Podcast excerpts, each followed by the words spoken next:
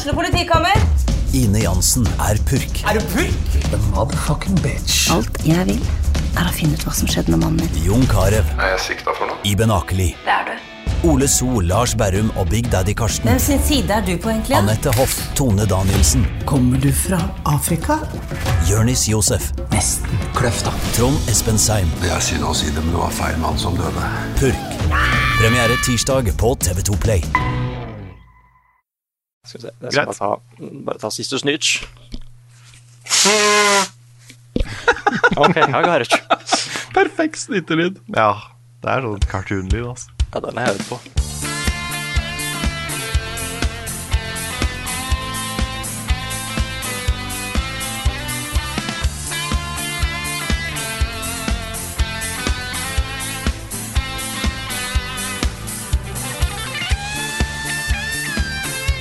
Neimen, hello, dere. Dette her er jo veldig spennende, fordi jeg er da en backup-programleder, Niklas Halvorsen. Og hvis du hører den podkasten her nå, da, så betyr det at du har fått kode til Level Backup sin network-test. Ja, det er helt sant. Ja. Oh my god, du er en av de heldige. Ja, og Sammen med meg da, så har jeg da Carl Hello. og Rune. Tjena. Hello, dere. Ja, Frida er syk. Frida er syk. Frida er syk, dessverre. Hun hadde ikke helt eh, stemme for podcast i dag. Så vi får bare ønske Frida god bedring, og så kjøre på. Håpe på det beste. At vi klarer Ja. å utfylle med, med, med oss tre isteden. Ja, jeg skal gjøre så godt jeg kan. Ja, det er jo heldig, vi er heldige da, som er en super, eh, supervikar i sånne situasjoner. Ja, ikke si det, for jeg er også litt syk. Så det kommer til å være litt Jeg er også litt syk. det, er, eh, det er noe som går, tror jeg. Det er det. det, er det. Men vi får det til. Ja, ja, ja, det går bra. Du, vi må plugge noen ting da før vi setter i gang med liksom de vanlige postene og sånne ting, fordi uh, det skjer jo mye i ukene framover. Uh, og det nærmeste er jo selvfølgelig SpillExpo, som er tilbake igjen med et live eh, opplegg nå til helgen. Åpning klokka tre på fredag, og så er det da aktiviteter i, Lillestrøm både fredag, lørdag og søndag. Det er litt morsomt da at Jonas Gahr Støre skal klippe den røde tråden, åpne hele greia. Um, vi kommer til å være der, Carl på fredag, jeg på lørdag, eh, sammen med en eh, ny frilanser som vi skal teste ut for første gang til å filme litt, som heter Sebastian. Så vi, men vi har liksom ikke noe fast, noe ferdig satt program, da. Så vi kommer bare til å være, være der, liksom. Filme litt og, og sånt. Så, så det skjer. Og så da neste helg igjen, så skal jo våre venner i eh, Good Game arrangere sluttspill i Telia-ligaen på Eldorado. Det blir jo også da første gang på en stund hvor det er et eh, live sluttspill, eh, hvor folk kan komme og sitte i salen og se på og sånne ting. Og det er da lørdag 20. og søndag 21. november det foregår. Og der er det da fortsatt billetter igjen, etter det jeg har forstått. Det tror jeg kan bli heftige greier også. Eh, og så Den siste tingen vi må plugge, er jo et veldig viktig arrangement som vi eh, umiddelbart takka ja til å være med på i år. Eh, og Det er Gamere mot barnekreft eh, 2.0, som vil gå av stabelen denne gangen fra 25. til 27. november. Og i fjor var det jo bare ett døgn. Bare ett døgn, 48, nei, 24 timer. Og i løpet av de 24 timene så samla det inn rundt 2,5 millioner kroner til den saken. Så der har vi i Level Up fått vår egen timeslot. Det er eh, eh, foreløpig satt av til eh, morgenen, formiddagen på fredagen den 26., eh, tror jeg det er. Um, og eh, vi gleder oss. Det, og dette er ja, gøy å være med på noe som, som betyr noe. Så et flott tiltak av komplettet der. Og det vil også være mulig, tror jeg, å eh, være til stede eh, fysisk, du også, på eh, House of Nerds på Vulkan i Oslo. Det alt skal streames derfra, da. Så det kommer til å bli et heftig program med masse kule folk. I da to døgn, er det ikke det? 48 timer? Jeg lurer på om det er 48 timer den gangen der. Det kan stemme. Mm, så, så det blir kjempebra, altså. Og så skjer det jo ting i helgen. Som Det gjør det. Det gjør Ja. gjør det. Elden Ring. Og da har vi kommet til hva vi har spilt i det siste. Og grunnen til at jeg hadde den der kule network-sketsjen i stad på introen dere, det er fordi at den er relevant. Til Den er veldig relevant. Ja, til det som både har skjedd og kommer til å skje. Oh. Fordi det er jo da snakk om Elden Ring sin network-test. Det er det, altså. Ja. Jeg har vært så misunnelig på deg, Carl. Ja. Vært så misunnelig på deg. Vi satte oss ned eh, da vi fikk muligheten da, til å eh, få tidlig tilgang til Elden Ring-nettverkstesten. for å lage innhold på forhånd, da, før liksom alle andre får tilgang. Og da var det sånn eh, ah, Jeg har jo lyst til å ta den selv, da, men uh, det er liksom, du er foran meg i køen, altså. Du er foran meg i køen. Jeg kunne ikke bare snappe opp den. Selv om bare Å, vet du, NRK, kanskje de vil ha noe. La meg bare høre med disse sjefene i NRK. Jeg, bare høre. Jeg tar den, jeg også. Hvis ikke, så kan jo jeg bare lage noe til. Skal jeg bare spille noe selv? Nei, det, det ble meg, gitt.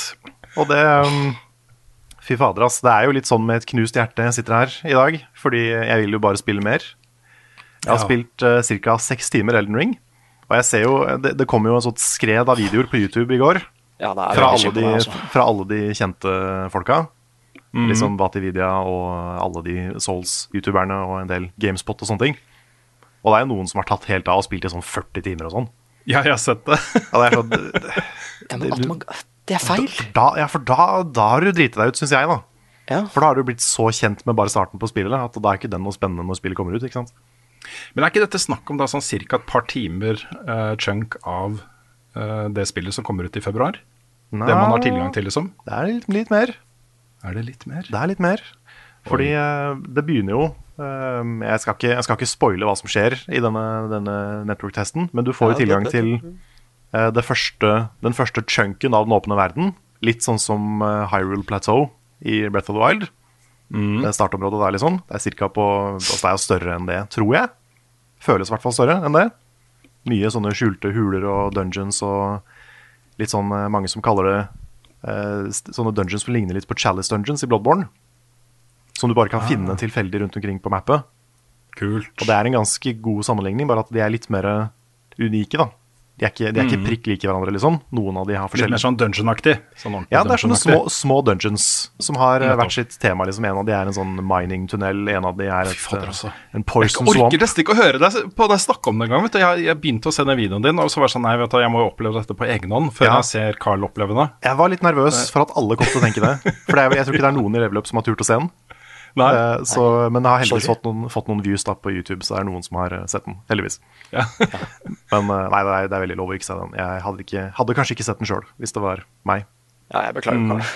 Det går bra, Nick. It, it's too spoilery for me. It's too spoilery. Men det er Nei, da jeg, Nei, hva skal du si, Nick? Nei, for jeg føler at du liksom Jeg er ikke misunnelig, for jeg føler at du, du har tatt støyten for oss, på en måte. Det For var at, vi kan, for at vi kan få en kode tidlig. Ja, ikke sant? Nei, men det var det, Altså, jeg, jeg hadde litt, litt blanda følelser om å takke ja. Fordi det er en del av meg som bare vil vente til spillet er ute, og så bare kaste meg ut i alt på en gang. Ja. Eh, så så det, var ikke, det var ikke bare sånn umiddelbart ja, liksom. Men jeg klarte jo ikke å holde meg unna når jeg skjønte at det var Nei, man klarer jo ikke å holde seg unna. Nei. Vi har jo fått flere koder, så i helgen så, så skal jo både jeg og Svendsen og du og kanskje da Frida eller Nick eh, Nick har ikke helt bestemt seg nå, har du det? Ja, det, er, det er som the one ring, føler jeg. Bare at den er positiv, liksom. Eh, Ja. Men, men jeg bare Det er som å Vet du hva, vi kan ta Ringenes herre-referanse igjen. Det er som at jeg har sett den første Ringenes herre-filmen. Og det er den Mm. beste filmen i trilogien, liksom. Og så får jeg liksom Ringenes herre 2, men jeg kan bare se to minutter av den. Ja. Det er introen, det, liksom. Mm. Og det er til og med en flashback òg. Liksom, det blir helt feil. Det Eh, er sant. Det er sant. jeg, vil, jeg vil bare ha den følelsen at den dagen jeg kan spille, når det ikke skjer noe Jeg finner fram min vintage urge, holdt jeg på å si, uh, og bare ikke gjør noe annet enn å spille det. Jeg får ikke så mange av de opplevelsene, og det har jeg Jeg må ta vare på den, da. Nei, men også tenk på det, fordi Jeg også har tenkt å behandle Elden Ring som det når det kommer ut i februar. Jeg håper også vi får tilgang til det spillet før lansering.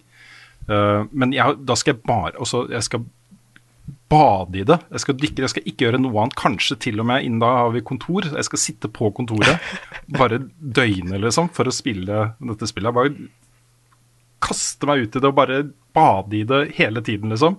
I løpet av da de første timene så er du gjennom det innholdet du allerede har spilt. ikke sant? Så det tar ikke så lang tid før du kommer til nytt innhold. Nei, det er sant. Og så er det jo eh, litt sånn typisk Jeg mistenker at i den testen her så har de tweaka litt på hvor items og equipment og sånt ligger. Ja, Så det blir jo mest sannsynlig en annen progresjon, tenker jeg, i Ah, okay. det ferdige spillet. ja. Eh, at dette er litt sånn, Her har de kanskje stæsja inn litt ekstra armor eller sånne ting for at du skal kunne oppleve flere forskjellige spillestiler og sånn. da. Ja, Kanskje en ekstra boss eller noe sånt, som er et annet sted. Kan hende bosser er et annet sted. Jeg tipper i hvert fall eh, NPC-er er forskjellige steder.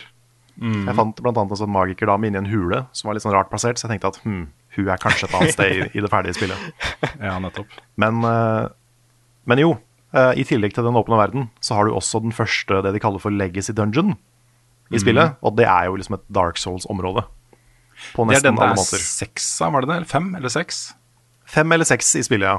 Av de. Ja, etter fem lurer jeg på om det er én for hver finger på en hånd, Ja. eller noe sånt. Ja, Selv om det er litt morsomt, fordi det, det er mange karakterer i Elden Ring som har seks fingre. ja riktig. Så, Ok, greit. Hva, Men- hvorfor det?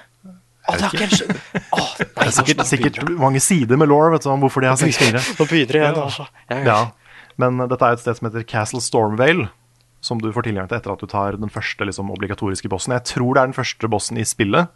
Den første liksom, mandatory bossen i uh, hele spillet også, ikke bare i testen. Han er ganske tøff.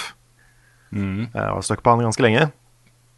Men eh, da får du liksom tilgang til Castle Stormvale. Da. Og det er veldig, veldig sånn Dark Souls, Demon Souls-type level design. Med et svært slott med mange forskjellige korridorer og ganger og skjulte veier og snarveier og alt det man kjenner fra serien fra før, på en måte. Ja, for de har jo sagt det tidligere, at uh, disse Legacy Dungeon-tingene vil jo ligne på det man har opplevd før. Og jeg, uh, de glimtene jeg har sett, derfor jeg spola gjennom den 15 minutter-videoen de la ut, pluss at jeg har sett litt av ditt innhold også, uh, så er det jo akkurat det det virker som. At du kommer til en ny verden i et Dark Souls-spill, som er designa på sin egen måte, og som henger sammen med de andre tingene, selvfølgelig, men som har sin egen boss og sin egen identitet. da.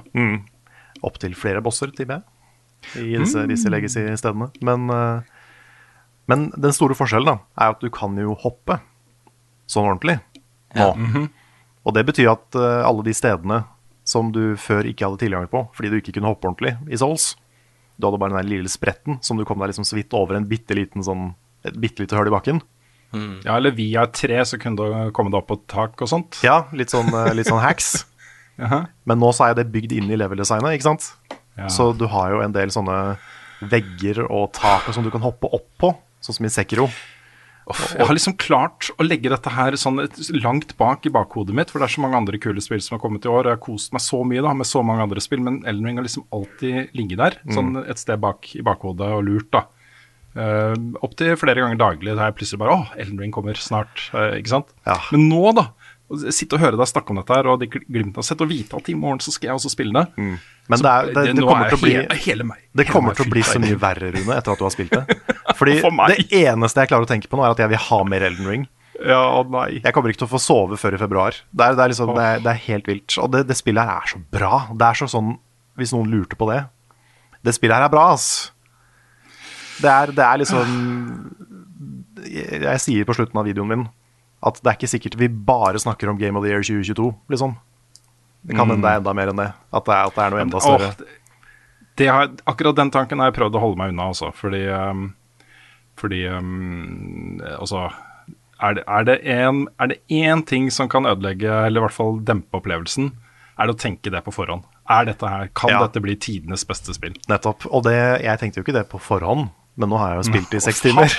så det Nei, dere er, dere er foolish.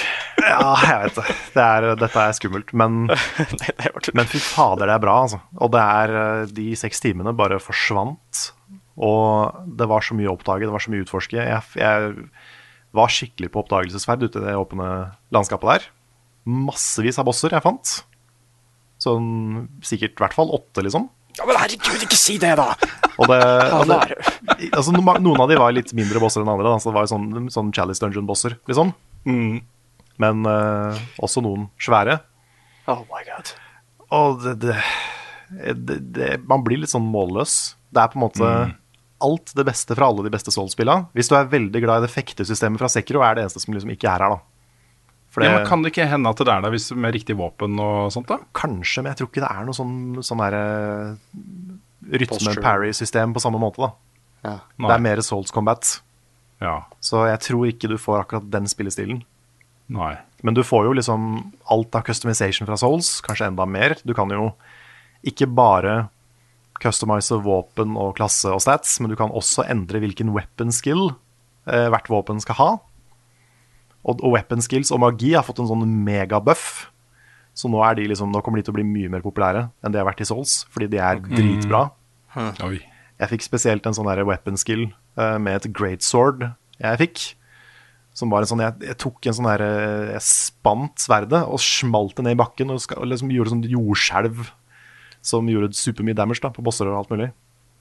Og det er, så, det, det er så mye bedre enn det weapon skills var i Dark Souls 3, for er sånn Alle ordene som kommer ut av munnen din nå, de bare kiler sånn Ja. inni øret. Og skaper sånne bilder i hodet mitt som Eh, Wow, altså. Og så har du liksom stealth, og du har sovepiler du kan bruke. ikke sant? Det er så mye mm. ting som ikke har kunnet i Souls før. Så nå er jo liksom stealth an approach, og du har mounted combat, som er litt eh, clunky i starten, men så fort du lærer deg litt timing og sånn, så funker det litt bedre. Ja, Shadow of the Colossus-style. Ja. Det er ehm, Det er veldig sånn Hva heter det sånn når, du, når to hester løper mot hverandre, og så er det jousting? Uh, ja, er Ja. det ikke det? Ja, chicken. Chicken? ja. Men det er et, det var et eller annet annet ord som jeg ikke husker. Men, men er det ikke jousting? Det er kanskje jousting som er det riktige ordet. Ja, men Det heter jo sikkert, uh, sikkert noe annet på norsk, da. Ja. Lansekamp eller noe sånt. Lanseduell eller noe sånt. Ja. Ja. Just, justising. Justising. Men uh, det er jo veldig basert på det. Når du finner andre folk på hest, så virker det som de, Ja. liksom, de, de prøver å få i gang en sånn jousting fight. Men det var i den videoen de slapp, da, som var 15 minutter. Det er jo med innhold, da, som er i den uh, tekniske testen her.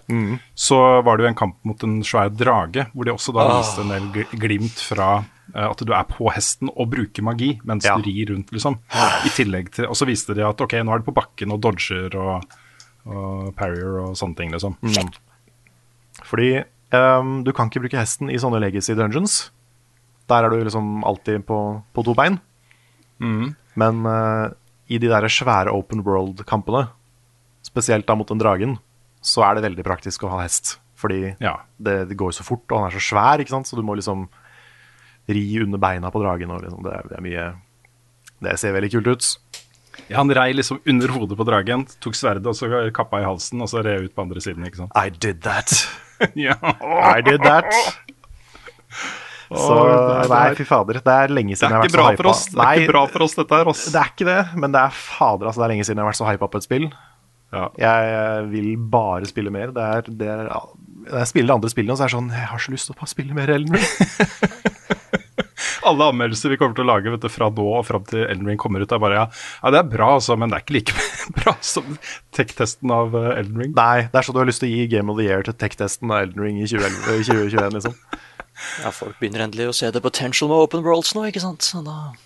Men det er noe med den tilnærminga her til open world. For det er jo veldig samme filosofi som Breath of the Wild. Med at eh, du får ikke den der mylderet av eh, icons på kartet og sånn. Du har et kart. Det er det første uh, Soul-spillet, eller FromSoft-spillet, med et kart. Åh, det er svært, det kartet, ass. Det er veldig svært. Uh, men det er sånn som i Breath of the Wild at ikoner dukker ikke opp før etter at du har vært der. Og det er så utrolig smart, Fordi da får du ikke den der overveldende 'å nei, jeg har så mye hjemmelekser'-følelsen.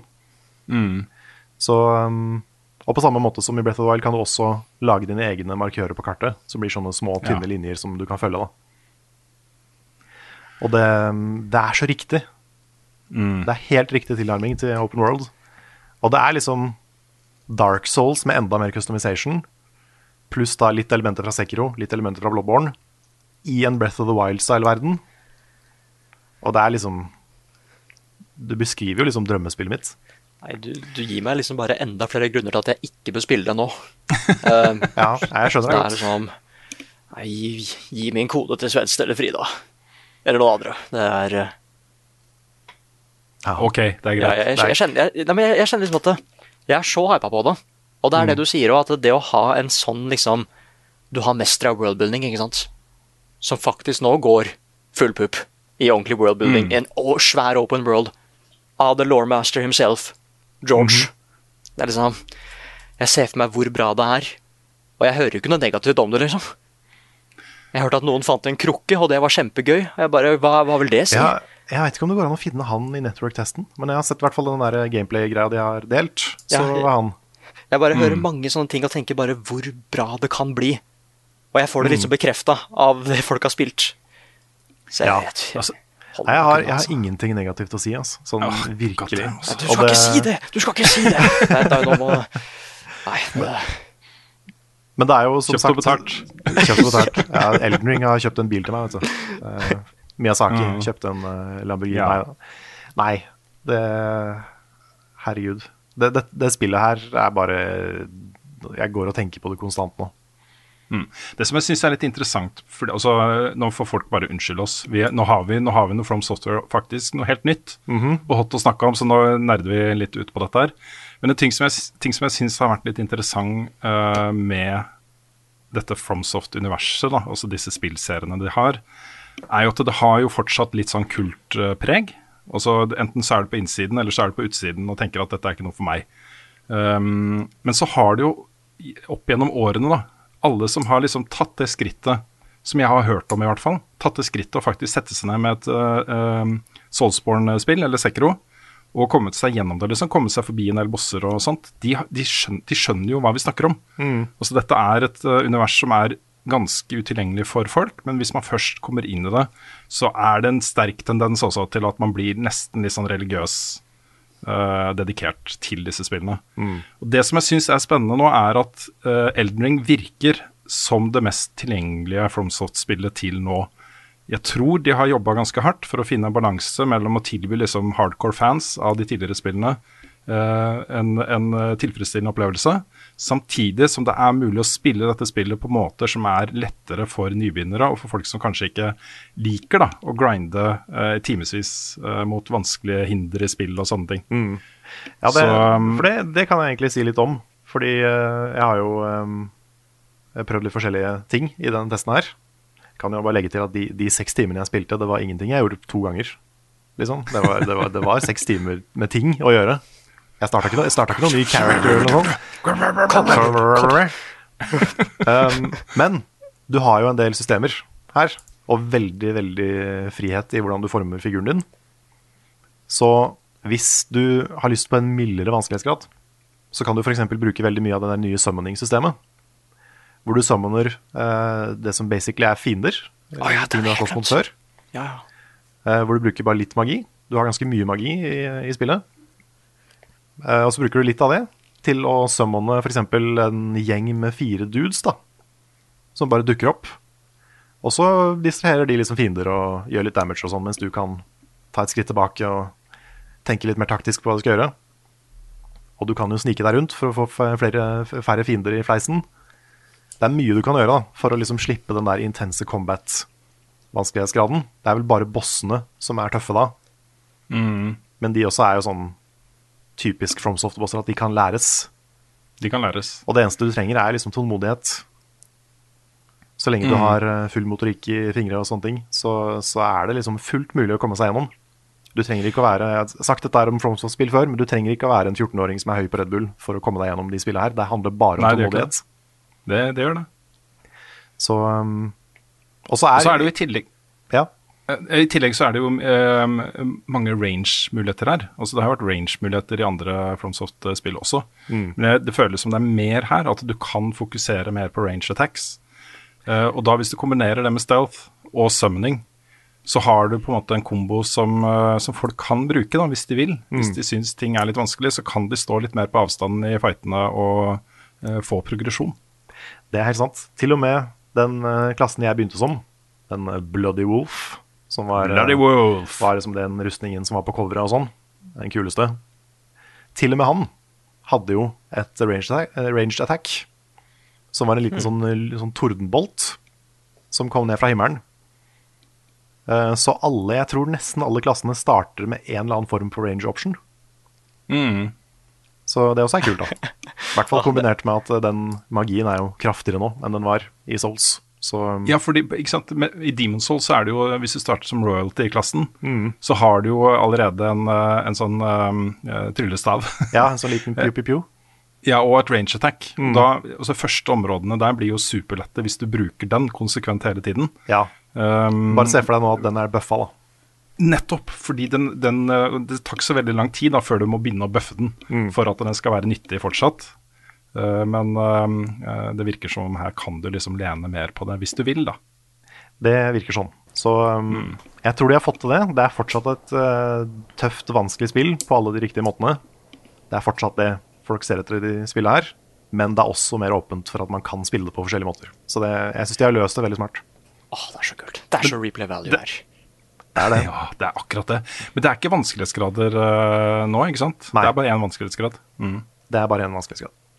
Ja. I hvert fall i network-testen. Jeg har ikke hørt at det skal være noe annet i uh, det ferdige spillet. Nei, da tror jeg de hadde sagt det. det En, en god mellomløsning der, da, for dette er jo sånt stadig tilbakevendende tema med disse spillene. Hvorfor ikke bare tilby en story mode eller noe eh, lettere tilgjengelig for folk? Patch det inn, da, etter to måneder eller noe sånt. Sånn at alle vi som ikke klarer å vente, vi får den opplevelsen vi har lyst på, så kan eh, resten komme inn etterpå, liksom. Ja, det, er jo alltid, det blir alltid debatt om det, med easy modes og sånn. Um, og at uh, vanskelighetsgraden er en del av designet og en del av liksom, historiefortellinga og sånn. Og jeg, jeg ser alle de argumentene, og jeg er enig i det, liksom. Ja. At disse spillene her er ment for å være vanskelig. Men jeg er samtidig veldig fan av sånn Celeste gjør det. Med at du har ikke en easy mode, men du har en accessibility mode. Altså du har accessibility settings. Hvor du kan tweake liksom enkelt eh, gameplay-elementer. da Hvis du f.eks. har noe nedsatt motorikk og sånne ting. da For da har du et tilbud for alle likevel. Så det er kanskje en ting jeg skulle ønske FromSoft gjorde mer av. Men jeg, Ja. For da får du på en måte den quote unquote easy-moden også, da. Hvis folk veldig gjerne vil ha den. Ja, for, for se for deg, for dette er en issue da, eh, som jeg mener er verdt å bruke litt eh, tid på framover. Eh, Se for deg at dette her blir liksom hylla som tidenes beste spill. Ett av tidenes beste spill, i hvert fall. Når det kommer ut i anmeldelser av folk som spiller og sånt. Så sitter det kanskje mange hundre tusen, kanskje opptil flere millioner mennesker da, som ikke har muligheten til å spille det fordi de har en eller annen nedsettelse som, som eh, gjør at det blir rett og slett for vanskelig. Da. Og det er, jo, det er jo en uting. Altså, jeg vil jo helst ikke at det skal være sånn i spill med det. Selv om Nei. jeg personlig gjerne vil ha det der vanskelige utfordringen, liksom. Nettopp. Og det, mm, det er jo bare positivt at spill blir mer eh, tilgjengelig for folk. Så, um, så jeg tenker det at liksom Om ikke easy mode, så i hvert fall en form for accessibility setting er kanskje veien å gå. Ja, fordi, ja, det, er, det er så vanskelig å løse. Fordi jeg er liksom der at eh, jeg syns vanskelighetsgraden er viktig for de spillene. Fordi det er designa på en så veldig veldig bestemt måte. Men det er også viktig å tenke at uh, vanskelighetsgrad og accessibility er to forskjellige ting. Ja, det er det. Og den, Jeg- den debatten blir ofte litt sånn blanda sammen, føler jeg. Ja. Uh, så jeg, jeg vil at flere skal spille det, men jeg vil fortsatt at vanskelighetsgraden skal være der. På en måte. ja. Og det, det, er, det er så vanskelig å finne ut av hvordan man skal løse det. Det er, uh, særlig det er- på et spill som Souls. Ja, men det er der jeg tenker at Celeste er så smart. Fordi det er tydelig på at liksom, dette er opplevelsen som er, uh, som, som er meninga du skal ha. Men hvis du har uh, nedsatt motorikk-ting-tang, så kan du skru på dette her og dette her. Og det føler jeg liksom er den gylne middelvei da, her. Og det, Vi får uh, komme tilbake til den etter hvert, tenker jeg. Men uh, det er i hvert fall ingen tvil om at dette er en, en uh, bølge i spillmediet som brer om seg. Stadig flere spill tilbyr jo nettopp det. Innstillinger eh, for accessibility. Eh, og det er, det er jo en superfin ting. Det er jo et, en veldig flott, eller sånn positiv side ved spillmediet at det jobbes så hardt med disse tingene. Så um, jeg, jeg syns liksom det blir et ekstra stort problem da, hvis det er snakk om et spill som blir hylla som årets beste, eh, tiårets beste, tidenes beste. Og så Ja. type The Last of Us Part 2, ikke sant? hvis det spillet da, da det kom ut, ikke hadde hatt alle disse eh, accessibility-innstillingene som det hadde, um, så, så hadde nok den debatten kommet på det spillet, vil jeg tro. Eh, hvorfor, hvorfor kan ikke jeg, som har nedsatt syn, få lov til å spille dette spillet, som alle sier er noe av det beste som fins, ikke sant? Ja, og det blir nok en enda mer, enda mer en debatt nå. Fordi Eldring har så mye mer enn det FromSoft-fans allerede digger, da. Fordi jeg er helt, helt enig med dere om den vanskelighetsgraden. Det er jo det som på en måte gjør spillet litt sånn ekstra addictive. Det at du skal liksom klare det, og du får en ekstra sånn rush av å få det til. Den er viktig for meg òg, liksom. Men det spillet her har så mye annet òg. Det har liksom den utrolig stilige verden og eh, law av George R. R. Martin. Det er så mange grunner til å ville spille Elden Ring. Så jeg skjønner også at liksom folk som ikke har lyst på den utfordringa, fortsatt er dritnysgjerrig på spillet. Jeg må ta et lite frempek jeg, til en eh, post som kommer i, i nyhetsspalten etterpå. Okay. Uh, fordi det er jo eh, programmet til Awesome Games Don't Quick. Neste er uh, klart. Ja. Og, uh, skal gå litt gjennom noen høydepunkter da, fra, det, fra det programmet. Men et av de tingene som skal gjøres der, det er sånn apropos accessibility options. Det er en da som skal spille gjennom Sekiro. Hele Sekiro på to timer og 45 minutter med bind for øynene. Ja, men Oh my god. øynene. Oh my god. Det går ikke an. Det kan da ikke være gøy. Da er man så god, liksom. Ja, da har du spilt mye Sekiro, altså. da har du spilt mye Sekiro. Oi, oi, oi. Ja, altså, det er gøy å få det til, så klart, men liksom Veien dit oh. Men jeg, jeg foreslår at vi, vi, vi må nok gå litt videre, selv om jeg kunne sitte her og snakke om Elden Ring og nerde om dette her i timevis. kanskje bare skal gi det Eh, tid, nå som vi er her. Ja, ikke sant? Så er vi ferdige, liksom. Ja, jeg får fordi gi det tid nå. jeg, kan jo, jeg kan jo plugge da at jeg har en video på kanalen som er en Ja. halvtime lang, hvor jeg viser fram og går gjennom ganske mye av det som er i den testen. Mhm. Så hvis du ikke vil se så mye, så bør du kanskje holde deg unna, men, men det er samtidig veldig mye jeg ikke har vist. Ja. Uh, veldig mye jeg har valgt å liksom holde hemmelig. Men, uh, men det er en, jeg tror det er en ganske fin introduksjon til hva Elden Ring er for noe, hvis du er nysgjerrig på spillet. Mm. Og så, hvis, hvis du også tenker at du tror det er for vanskelig, så fins det, som med alle FromSoft-spill, måter å gjøre det lettere på. Kanskje med unntak av Sekiro er vel det som er vanskeligst å gjøre lettere. Ja, Tror jeg. ja, det vil jeg tro. Men, eh, men du har jo liksom i alle de andre summoning Du kan summon andre spillere, du kan uh, lage broken builds og sånne ting. Så det fins måter å gjøre de spillene litt mer tilgjengelig på. Altså. Ja.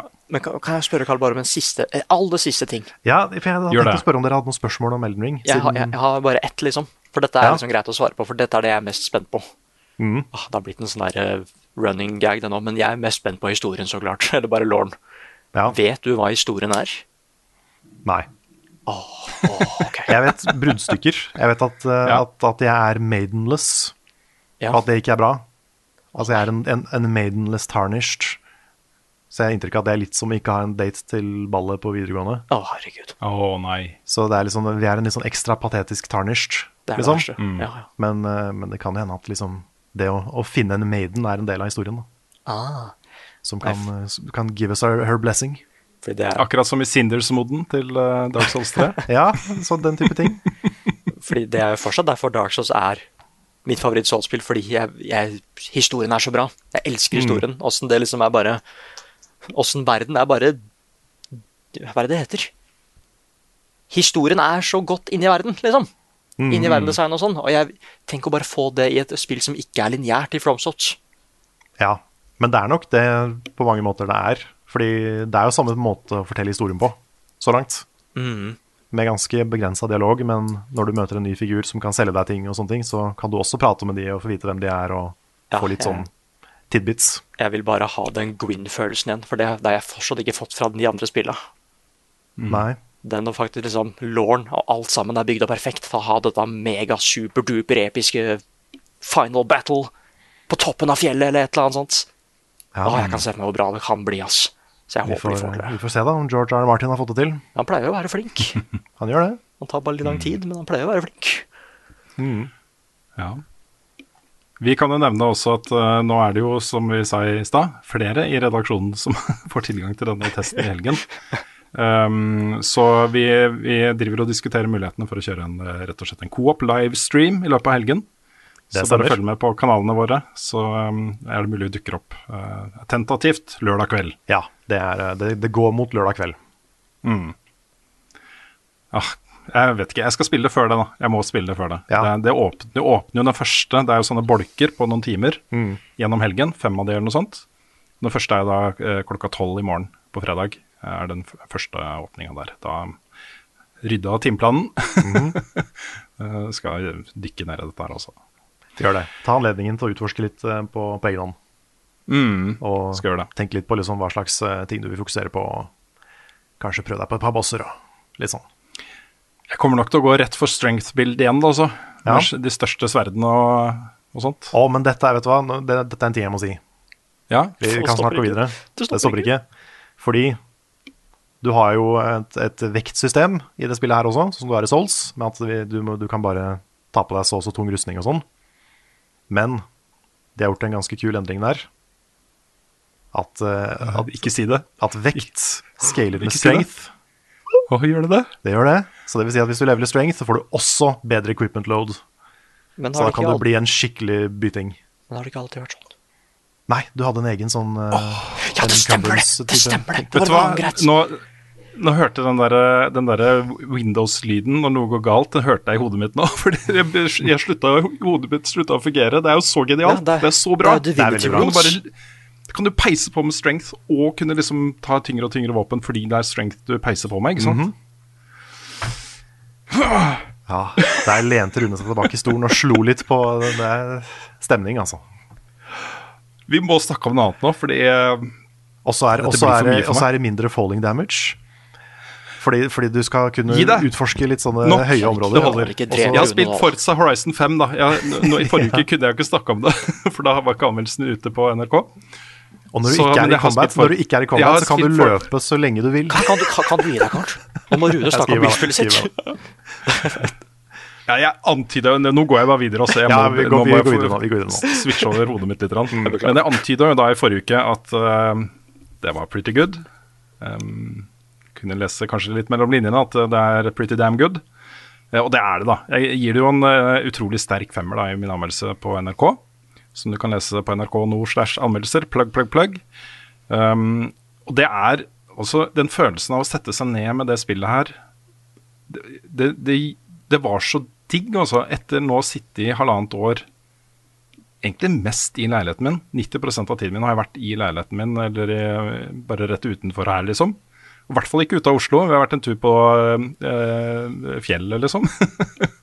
um, og det å komme da til denne versjonen av Mexico føltes bare så utrolig nice. Altså. De har lagt ned så mye arbeid i å få dette til å se pent ut og flott ut, og bare det å være der er en opplevelse i seg selv, da. Så da er det, sånn, eh, det er jo ikke noe eh, innebygd eh, automatisk fast travel-system i dette store kartet her, men du kan jo låse opp eh, det etter hvert ved å knuse noen sånne fast travel eh, billboards og sånne ting, eh, og kjøpe deg hus som du kan fast travele til. Det koster litt penger, penger, men det er liksom mulig da, å reise rundt på kartet. Men jeg tar meg sjøl, da. Jeg, ok, jeg skal ta et løp som er liksom på andre siden av kartet. Jeg tar meg sjøl og bare kjører dit, for det er så digg, altså. Sette seg inn i en kul bil og bare fise gjennom det landskapet her. Uh, uh, føles bare godt. Um, og når de da i tillegg har fått til Fordi jeg, jeg vet det er mange som elsker Forza Horizon 4 og som mener det er det beste spillet i serien. Uh, for min del så ble jeg litt mett av det spillet. Jeg syns ikke de hadde klart å få til en sånn uh, rytme i utfordringene som gjorde at man liksom hele tiden ble utfordra på nye måter, at man fikk en sånn variasjon og et tempo i progresjonen som bare drev deg videre, som ga deg det suget. Um, og det, det ble et problem for meg, da. Så jeg likte det godt, men ikke så godt som mange andre. Men her har de naila den, da. Hvor uh, du hele tiden låser opp mer og mer. Og dette er jo sånn kart da, som til, til slutt har så mange symboler på seg at det nesten ikke er morsomt engang. Uh, men etter hvert som du går, går opp i levels, så får du tilgang til nye ting hele tiden. Og Da er det gjerne sånn at du fullfører et uh, sånn point-til-point-race, f.eks. Og der du kommer, så er det liksom fire-fem races som er innenfor bare 20-30 sekunders kjøretur derfra hvor det er. da. Det kan være alt fra baneløp til et nytt storyoppdrag til alt mulig rart. da. Uh, og det er bare så gøy, altså. Så uh, foreløpig så jeg har kommet ganske høyt opp i level. Og jeg har ikke en eneste gang tenkt at nå skal jeg bare fokusere på gateløp eller noe sånt. Jeg har bare tatt en utfordring som er nærmest. Og så hver gang jeg låser, løser opp et, uh, låser opp et nytt sånn expedition-oppdrag, som er jo hovedquesten, mainquesten i historien, så går jeg på de. Og der, åh, det er de som er eh, fetest da, i hele spillet. Du skal opp og dokumentere rundt en aktiv vulkan, f.eks. Det er et av oppdragene. Uh, du har et uh, gateløp sånn punkt til punkt som går over hele kartet, sånn kryss og tvers. Å, det er fett. Som tok meg 25 minutter. 25 minutter, altså ett løp i et sånn type spill som dette her. I en bil som jeg digger å kjøre. Det er, Å, det er en duell. nydelig, altså. Det er en morsom duell. Faktisk så er det det, altså. Akkurat den, det er en del av de utfordringene i det spillet her som hadde egna seg superbra som duellspill. Og dette er jo et GamePass-spill, så de fleste av oss eh, kan få tilgang til det ganske enkelt. Så veldig, veldig glad i det spillet. Jeg Kom høyt på min toppliste for em, året, 2021. Um, og det var jeg veldig glad for også. Uh, så um, uh, ja. Megabra spill. Nice. Jeg har, jeg har jo fått det spørsmålet hvorfor ikke det ble en sekser. Og det er sånn, at Når jeg er så nærme som jeg er nå, liksom Jeg ville jo til ni av ti hvis jeg skulle anmeldt for level up. Ja. Og det er litt eh, på samme måte som en del andre sjangre. Da tenker jeg sånn type fotballspill, f.eks. Eller eh, sanntids-RTS. Eller også godt etablerte sjangre, hvor det ikke skjer så mye fra utgivelse til utgivelse og serie til serie. Altså de ligner en del på hverandre. Så er det mye nyanser det er snakk om, da. Eh, Jeg føler jo at et eh, fantastisk bra bilspill som føles realistisk, og som har naila eh, bil- og veifølelse og alle disse tingene, det har jo blitt lagd for mange, mange år siden. Så dette er på en måte en iterasjon av det. Da. Det er ikke en, en eh, sånn revolusjonerende ny retning for bilspillsjangeren. Uh, og jeg vil gjerne da at det neste bilspillet i en til skal være litt sånn. Og så tilby meg et, en opplevelse som jeg føler er ny og frisk, og som gjør nye ting med sjangeren. da. Selv om det kanskje er umulig. Kanskje det aldri mer blir en, eh, en toppscore fra meg til et bilspill. Nei, si det, kanskje da. det beste bilspillet er lagd allerede, liksom. Wow. Men eh, ja. Det er uh, grunn da til at ikke det ble en sekser. Men det er eh, helt der oppe, altså. Det er kjempebra. Om et par år så kan du jacke inn til The Matrix, så kan du være bilen. Være bilen. Be the car. Be the car. Mm. Ja, vil du ta over, Nick? Eller skal jeg, jeg har en ting til, jeg også. Nei, jeg prøvde å ta en Carl i Darkest Dungeon 2. Ah, ja, ok. Eh, new save. Eh, bare gå opp til fjellet. Det tok meg fem forsøk, så greide jeg det. Men fy søren. Det- ja, du greide det? Ja, men jeg tenker liksom hver gang jeg feila, så bare bygger jeg opp Carl, ikke sant? Det er jeg, kan ikke, jeg kan ikke tro at han gjorde det. Han Nei, det, var, det var nok mye flaks. Det tror jeg. Ja, men liksom ba, Det er ikke man, man trenger mer flaks! Ikke sant? Det er liksom Fader, altså. Det er sånn eh, To av tilfellene så kom jeg til fjellet og døde òg, ikke sant? Ja. Det var helt, det var helt krise. Men Ja, jeg, jeg, veit ikke hva det var, altså. men jeg spilte veldig forsiktig, da.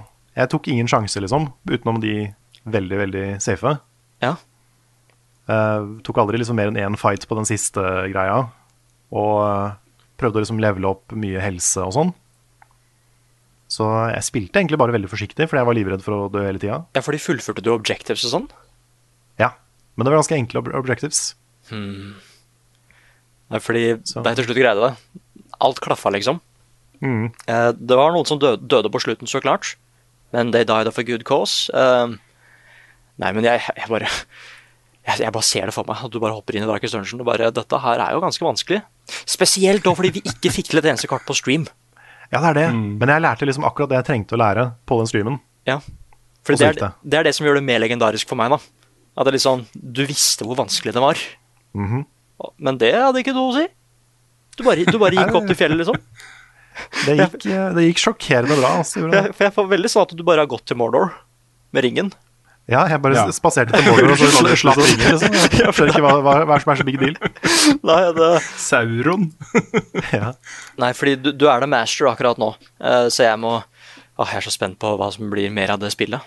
Jeg eh, kanskje ikke kommer ut så mye mer før liksom hele spillet er lansert. Det tok et år med Darkest Dungeon 1. De har sagt at det kommer til å gå litt fortere nå. Ja. Det, det er jo en blessing and a curse, Annik. Fordi jeg har ikke spilt Darkest Dungeon etterpå. Nei, men en Jeg har bare spilt det én gang og runda det. Ja, det er Så, sånn. så det er sånn jeg, jeg, får liksom, jeg har lyst til å spille det mer, for det var gøy. Men jeg, jeg klarer ikke å toppe det nå. Så det er litt sånn, skal jeg gidde å spille det mer nå? Ja, fordi hvis du, hvis du gjør det igjen, så er du liksom ferdig. Ja. Da var det ikke liksom en coincidence, det er et mønster til det, liksom. Du er for god. Da er the, the ultimate tactician. Ja, for det faktisk. Nei, men Det er derfor jeg vil at du skal spille eneren. Fordi det er så annerledes, liksom. Ja, men jeg har lyst til det. Men jeg vet ikke, kanskje, kanskje jeg er litt god på turn-based uh, strategy. Jeg har jo spilt en del av det. Ja, det kan hende Altså, det er det, altså. Nei, det, jeg, jeg syns hele det, det er så legendarisk. Det er nesten blitt sånn ikonisk. Jeg, jeg har så lyst til å få det til, men jeg greier ikke. Men du tok, uh, du tok spike jump på Hollow Night, Nick. Og første boss på første forsøk. Jo Men jeg gikk ikke til Mordor på første forsøk. Nei, ikke ennå. Ah, nei, så jeg håper, at, jeg håper du i hvert fall har lyst til å spille når det blir ferdig. Ja, ja, ja, er du gæren. Så fort det kommer mer, så skal jeg spille mer. Ja. Det er litt, Med en gang Frida er borte fra podkasten, så blir jo dette bare sånn pølsefest hvor vi sitter og hyller sånne eh, maskuline kjempeprestasjoner i spillet og sånt. ja, du er så kul, her. Du er så kul. Ja, ja, ja. Her kan du se. Nei, men Darkest Dungeons 2 er fortsatt gøy, da. Det er det jeg skulle si. Jeg liker Ja. loopen. Mm. Nei, det var veldig gøy. Det var det. Jeg tror jeg må spille mer. Bare innse at jeg kommer til å dø en del nå. Jeg må kanskje bare dø med en gang, så har du gjort det. Ja, liksom bare, bare innse at nå, nå er streaken over, liksom. Ja, det er det jeg gjør i Souls. Mm. Sånn faktisk. Sant. Nei, det, mm, det er lurt. Jeg har et spill til. Uh, tenkte kjapt å ta opp, for jeg har snakka om det før. Men jeg har nå spilt gjennom hele Unpacking Ja. det, på, på GamePass. Jeg synes det var litt gøy å spille et spill på GamePass med en hovedperson som åpenbart var Nintendo-person. ja, ikke sant? Det var litt morsomt. Som plak- pakke over. Det var en GameCube og GameCube-kontroller. og Liksom. Det der ser ut som Zelda. Og, Det er mange morsomme saker om akkurat det. da Folk vet jo ikke, eh, kjenner jo ikke igjen utseendet på en GameCube, så de plasserer den på kjøkkenet og på badet og lurer, aner ikke hvor de skal plassere den GameCuben, for de Ja, vet ikke hva det er. Ah, hva er dette for slags uh, små Ja. Ja. ja. Nei, men Den ser jo litt rar ut, altså. jeg kan jo skjønne det. Mm. Men på kjøkkenet er Ja, det så, så en sånn der, eh, kanskje, vaffeljern, En liksom? toaster, liksom. ja, eller sånn riskoker, eller Ja, sånn, ja. ja jo. ja. Ha. Nå begynner vi å bli gamle, altså. Men ja. Men eh, nei, jeg likte det veldig godt. Jeg forventa nesten at det skulle gå enda lenger med konseptet enn det gjorde, kanskje. Okay. Fordi det er ikke så langt som jeg trodde det var.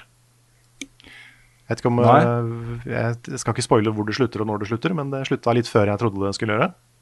Ok. Um, men jeg likte veldig godt måten det liksom fortalte historien på.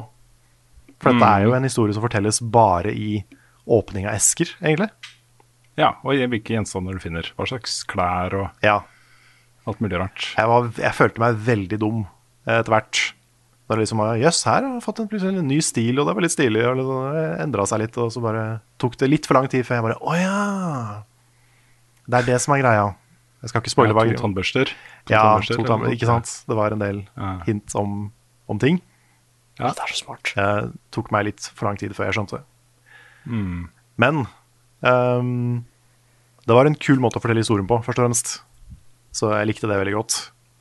Og eh, sånn som det at når hun flytta inn til kjæresten, så var det så utrolig trangt.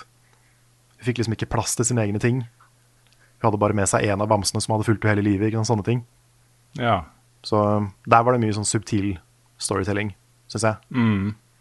Så um, det er verdt å oppleve, altså. Kult spill. Veldig Er- kult konsept. Er det et bra streamespill?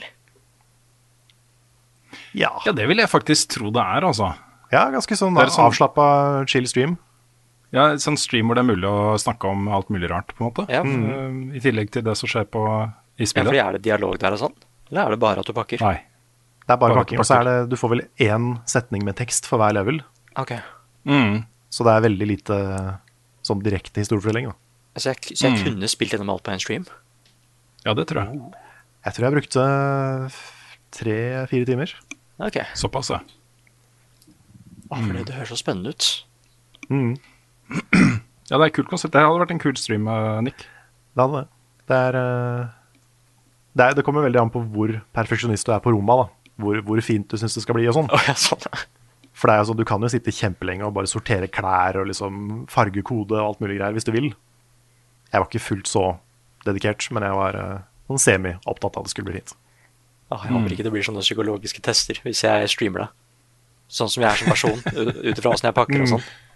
Ja. Ja, men, men hadde jeg lagd det spillet der Åh, jeg skulle ha tidenes mørkeste twist. Bare, ja, Ja, kniven har fulgt meg lenge. Da fikk jeg flere kniver at jeg plutselig er en seriemorder, ikke sant? Men det er så Ja, subtilt. sånn, ja. Åh, At du har, Du du har med deg trophies Du har med deg trophies fra alle ofrene dine og sånn. ja. Åh, du åpner skapet for å legge inn buksene dine, og der er det liksom oppkappa lik i sånne plastposer. Ja, ja, ja. Ja. er, Ellers så er det, det er bare søppelposer som aldri blir forklart. Ja. Det er er kanskje noen en sånn rød flekk og Men det er litt fluer som flyr rundt Ja, det og ja, sånn. jeg, jeg er mesterkokk, liker å lage mat, men så er jeg også Hannibal, liksom. Ja, åh. Det er jo potensialet for oppfølgere her, da. Forskjellige typer personligheter og sånt. DMC og sånt. du finner eh, klær som ikke er dine. Ja. Sånne ting. Kanskje du skal lage en horror-unpacking? Oh my god. Det, er, det er så smart historiefortelling. Det er en kul måte å fortelle en historie på. Det er det. Jeg har ikke sett det før.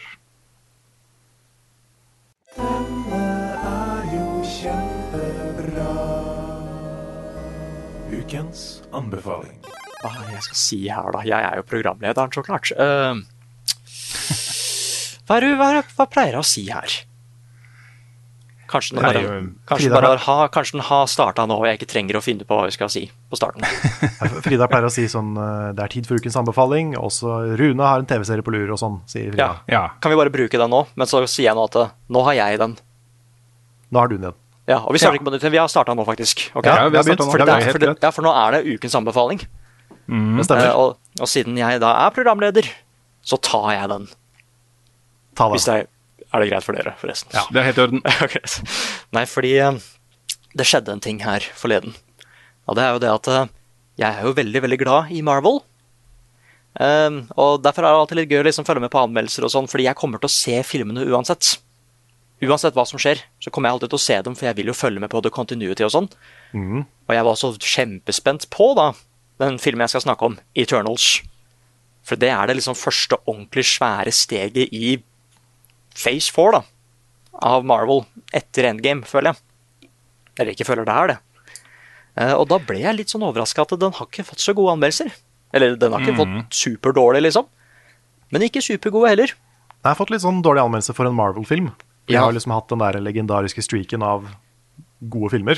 Gode Ja, ikke sant? superheltfilmer. Og så har denne her vært litt sånn litt mer ned på, på middels. Jeg er liksom tre av seks, og til og med ternekast to noen steder og sånn. Oi. Ja. Jeg, har en, jeg har en mistanke om at det er en del kritikere, altså filmkritikere, Ja. som begynner å få litt eh, Altså kjenne litt på den følelsen at nå har vi hylla Marvel lenge nok, kanskje. Har vi ikke det? Altså er det ikke eh, Har vi vært litt for snille med denne serien? type ting, Og så kompenserer de ved å liksom være litt ekstra streng da, med den første virkelig store nye tingen. Ja, fordi jeg, eh, jeg så bare scorene. Jeg leste ikke noen anmeldelsene før jeg så filmen selv. Og etter at jeg så filmen, da, da måtte jeg bare lese hva alle sa, liksom. Fordi jeg digga The Eternals. Åh, det er godt å høre, altså. Eh, og, og, og her kommer også den greia som er så morsom, fordi de flesteparten av anmeldere som anmeldte den filmen og ga den sånn OK, eh, bare grei score, liksom, de gikk veldig tilbake til at den først og fremst den var ganske lang. Den er jeg ganske enig i, for den er to og en halv time, liksom. Åh, Eh, herlig. Det er en litt mer sånn rolig Marvel-film. Jeg holdt på å si at den er litt mer voksen, men den er litt det òg, fordi den er, ikke mest, den er ikke fokusert på action. Den er mer fokusert på karakterene. Men de kritiserte filmen fordi den ikke føltes noe særlig ut som Marvel. Fordi oh, ja. hun regissøren som er her, er eh, Hun er en Oscar-regissør, på en måte. Hun, eh, folk tenker at hun kanskje ikke helt er en bra miks i disse Marvel-filmene. Men det er derfor jeg likte den så godt. At liksom, Ja, det, det er det som har gjort meg mest nysgjerrig på den filmen også. At Ja. er, hun, er det Chloé Zhao hun heter? eh, ja, ja, ja. Er det ikke det? Ja. Uh, at det er hun som regisserer. Hva kan hun eh, bring to the table, ikke sant? Mm. Og jeg likte den da så godt fordi det, det minte meg det, er- det er jo fortsatt Marvel. Det er jo fortsatt liksom en skurk og en kamp og alt det her, liksom. Classic Marvel. Men det, det var så veldig langt unna også. Pluss at filmen er veldig, veldig selvstendig. Den spoiler det som har skjedd i Endgame, men du må ikke ha sett noe annet. Liksom, hvis, du redd, hvis du ikke bryr deg om spoilers, så kan du fint se den filmen og ikke være lost da, for det som skjer Ja. som jeg liker veldig godt. At den, den, den, den står på sine egne ben. da. Og det var sånne ting som det der som den fikk så mye kritikk for. At den liksom føltes ikke ut som en Marvel-film, og den passa ikke helt i det store Marvel-bildet, liksom. Men kanskje den gjør det om fem år, ikke sant? Ja, fordi har man sett filmen, så gjør den jo det. Så jeg skjønner ikke helt hva de snakker om. Men uh, Og så er det litt gøy at uh, du har liksom både Hør her, du har både Rob Stark og John Snow. Ja. Ja, Og de prater med en karakter som heter Cersei. Det er litt morsomt. ja, det er herlig. Ja, da måtte jeg flire litt. Uh, nei, men så er det liksom Jeg syns konseptet med vet, vet dere hva Eternals handler om? Ja, så jeg så en trailer for den filmen. her. Jeg ser jo vanligvis ikke trailere, men det var jo uh, sist jeg var på kino, eh, så var det trailer for den filmen. Ja. Det var sånn, Jeg visste ingenting om Eternals fra før, annet enn at jeg hadde sett noen skuespillernavn og sånne ting. Men det at det eksisterer da noen skapninger her på jorda som har vært der siden tidenes morgen, og som eksisterer da i myter og legender og, og sånne ting i våre historier som vi kjenner igjen da, fra vår vår faktiske historie, ikke sant? at dette er opphavet til de mytene. Og at de, det jobben deres var å beskytte jorda eh, mot en veldig spesifikk fiende. Altså det, Ikke mot hva som helst, de skulle ikke inn og liksom eh, påvirke alt mulig rart, liksom. Men det var en spesifikk fiende de skulle beskytte oss mot. Eh, det var, alle nakkehårene mine reiste seg. Det var et så kult konsept, da. Ja. Og, ja, fordi det er helt riktig. Altså, det er, de har vært på jorda kjempelenge. eh, og konflikten i filmen er at nå har denne fienden dukket opp igjen. Så nå må de faktisk liksom De må out of hiding og redde verden. Uh, og jeg syns bare Jeg trodde at det skulle være veldig sånn Ja, de har vært her lenge, og det er det, men de, de går veldig inn i det psykologiske for hva det egentlig innebærer, da. Liksom bare, Åssen blir du egentlig påvirka hvis du lever så lenge? Åssen funker minnene dine etter 5000 år? Ikke sant? Åssen liksom kobler du liksom med vennskap og sånn med menneskeheten, hvis du lever så lenge? De, de svarer på mange av de spørsmålene der. Og det er Og la oss si at det liksom Fordi de blir jo ikke eldre heller. De holder det samme utseendet hele tiden. En av dem har jo utseendet til en som er 13, liksom. Åssen er det hun fungerer i verden etter sånn fem år? For hun må jo Da må hun liksom flytte, Fordi da begynner folk å bli litt mistenkelige, ikke sant? Nei, så det er, det er mange sånne svære spørsmål som jeg ikke visste jeg ville ha svar på da, i den filmen. Kan jeg også si at hun regissøren er jo en, en good shotter. Hun kan dette med Ja. shots. Derfor er det ekstra spennende å liksom få sette den på Imax. Fordi den er pen, ass. Den er kjempepen. Og så er det samme, han som har lagd musikken til Game of Thrones, er jo der. Så jeg likte soundtracket Ja. veldig godt. Men Eh, apropos Imax, kan jeg bare ta en liten digresjon på den? Ja. Det kom jo en, en eh, twittermelding fra uh, Russo-brødrene um, om at de, de nå uh, har klart å innføre uh, Imax-format på Disney pluss. De har jo skutt mange av Marvel-filmene, ikke alle, men mange av de, i Imax, originalt. da. Uh, og nå har de fått det til altså, at du kan kjøre de filmene i en egen Imax-modus på TV-en din. Er Og det det blir jo da ja, da tar det jo, det blir jo det samme som, som denne Zack Snyder uh, ja, ja, det blir det. Sånn. Ja, ja, du må bare ta, ta bort litt på sidene liksom, for å få det riktige formatet. da. Um, men, eh, men sånn i første omgang så tenkte jeg ja, ok, jeg skulle tatt vare på 4-3-TV-en min. Men, men i andre omgang så tenkte jeg at hvis de har skytet filmen i Imax, så vil jeg gjerne se den i det formatet. Jeg vil gjerne se den i det formatet de faktisk har skutt den i. da. Ikke sant? Så jeg syns det var litt kult. det. Nei, og, og så er det at jeg skjønner veldig godt hvorfor folk uh, gir den litt sånn laber score, fordi den er uh, Den er ganske lang igjen. To og en halv time. Eh, og hvis du forventer at det skal være en sånn actionfest, så er det ikke det Eternals er. Nei. Jeg kan jo si at den siste akten er jo ganske actionpacked, sånn som det skal være i Marvel, så klart. Men det tar litt tid før vi går Den er en mer slow burn. Eh, så du skal liksom bli glad i disse karakterene her. Og det siste jeg vil si, er at eh, jeg syns skurken var skikkelig kul. Ah, nice. En veldig, Nice. veldig bra skurk. Jeg skal se den filmen her på Imax i morgen, faktisk, så det blir bra. Ja. Det blir veldig bra. Det skal jo du også, Nick. Ja, det er sant. så Jeg skal være med. Ja. Ja, takk for invitasjonen, gutter. Det var veldig hyggelig, å bli spurt om jeg hadde lyst til å være med og si Eternals på Imax. eh, en av dere. ja men det er fordi jeg skulle egentlig med Charlotte bare, og så ble det flere, og så, så, så ble det bare mange på en gang. Puring og sånne Nei, det er helt greit. Det er greit. Jeg skal se det med søstera mi. Vi har begynt eh, med sånne kinomøter. Ah, Så jeg må finne det. Kanskje til og med jeg, jeg tror ikke Den filmen tar jeg ikke med ungene på. Eh, Sam maser jo veldig. Han har lyst til å se Eternals, men jeg tror liksom ikke det Jeg tror han kommer til å kjede seg. Ja, for det den er litt sånn. Eh, Så kanskje, kanskje når han kommer gratis tilgjengelig på Disney pluss. nei, så jeg kan si at eh, jeg likte Eternals, i hvert fall. Vi er jo alltid enige om eh, scores på ting, Nick, så det tar jeg som en soleklar oppfordring om å se den. Oh God. så, um, mm. Uff a meg, tenk hvis du bare hater den.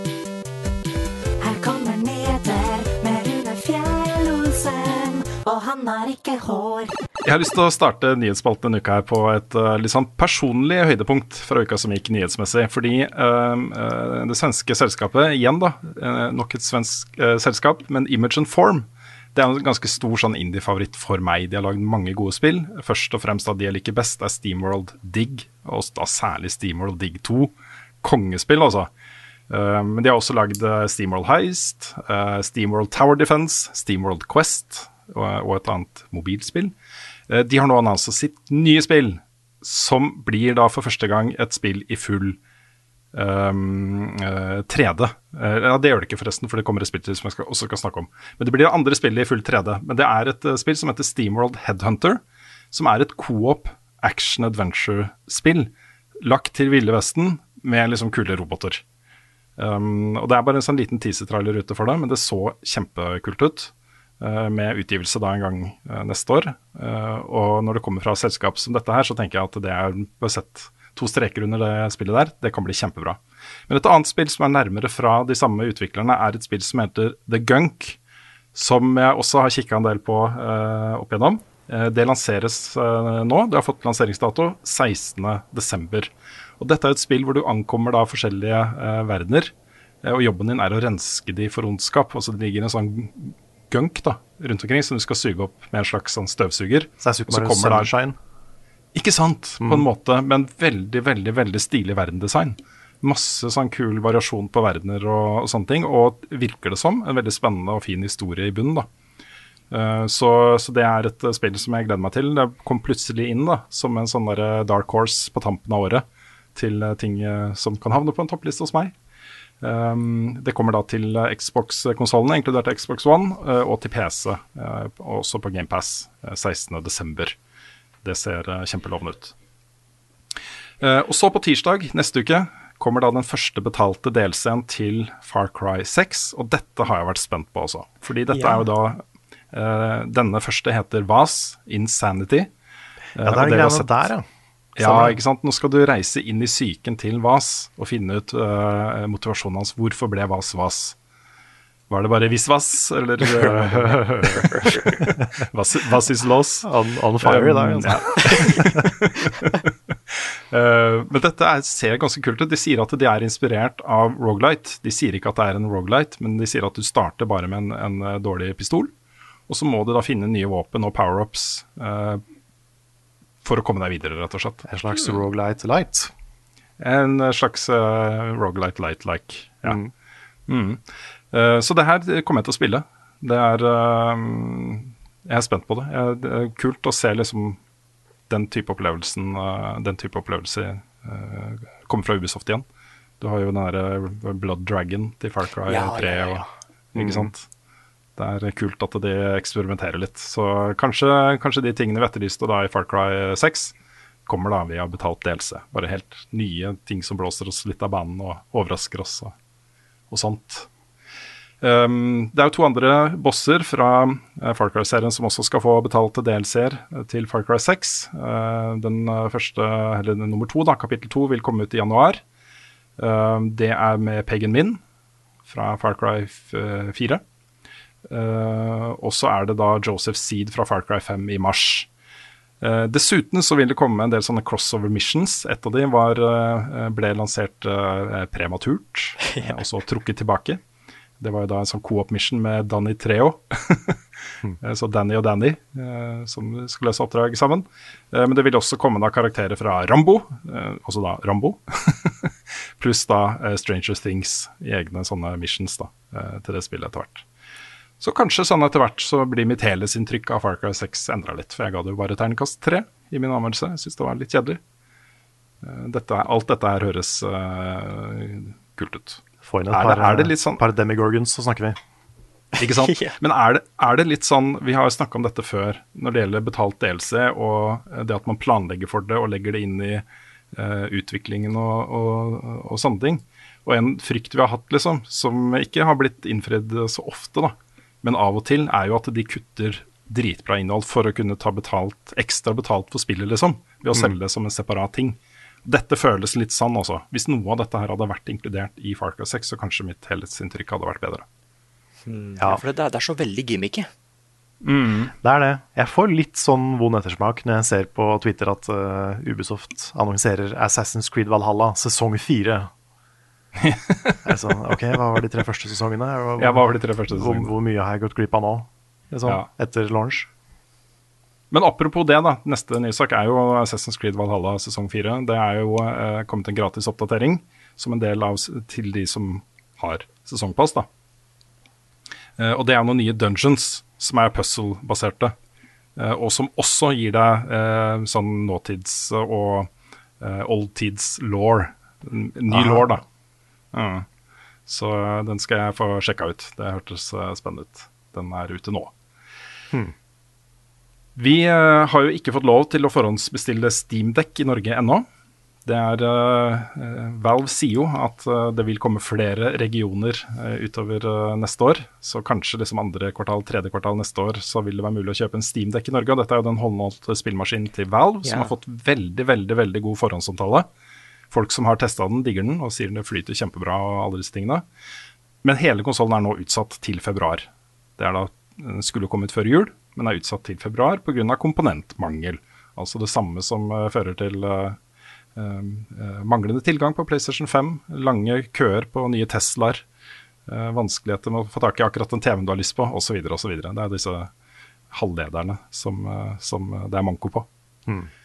Så alt som har uh, en eller annen form for, uh, for uh, teknologi som trenger halvledere Alt det er manko på nå, liksom, hvis det er populært. da. Hvis det er ingen som har lyst på det, så er det jo greit.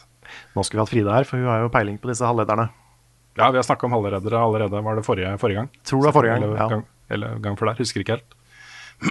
Men jeg har jo et håp da om at kanskje vi ikke kommer for langt etter.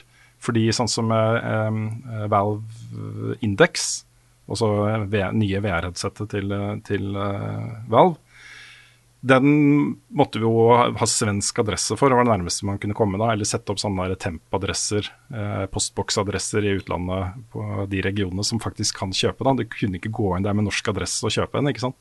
Mm. Og det er litt sånn dritt. Mm. Det, det, ja, det liker jeg ikke.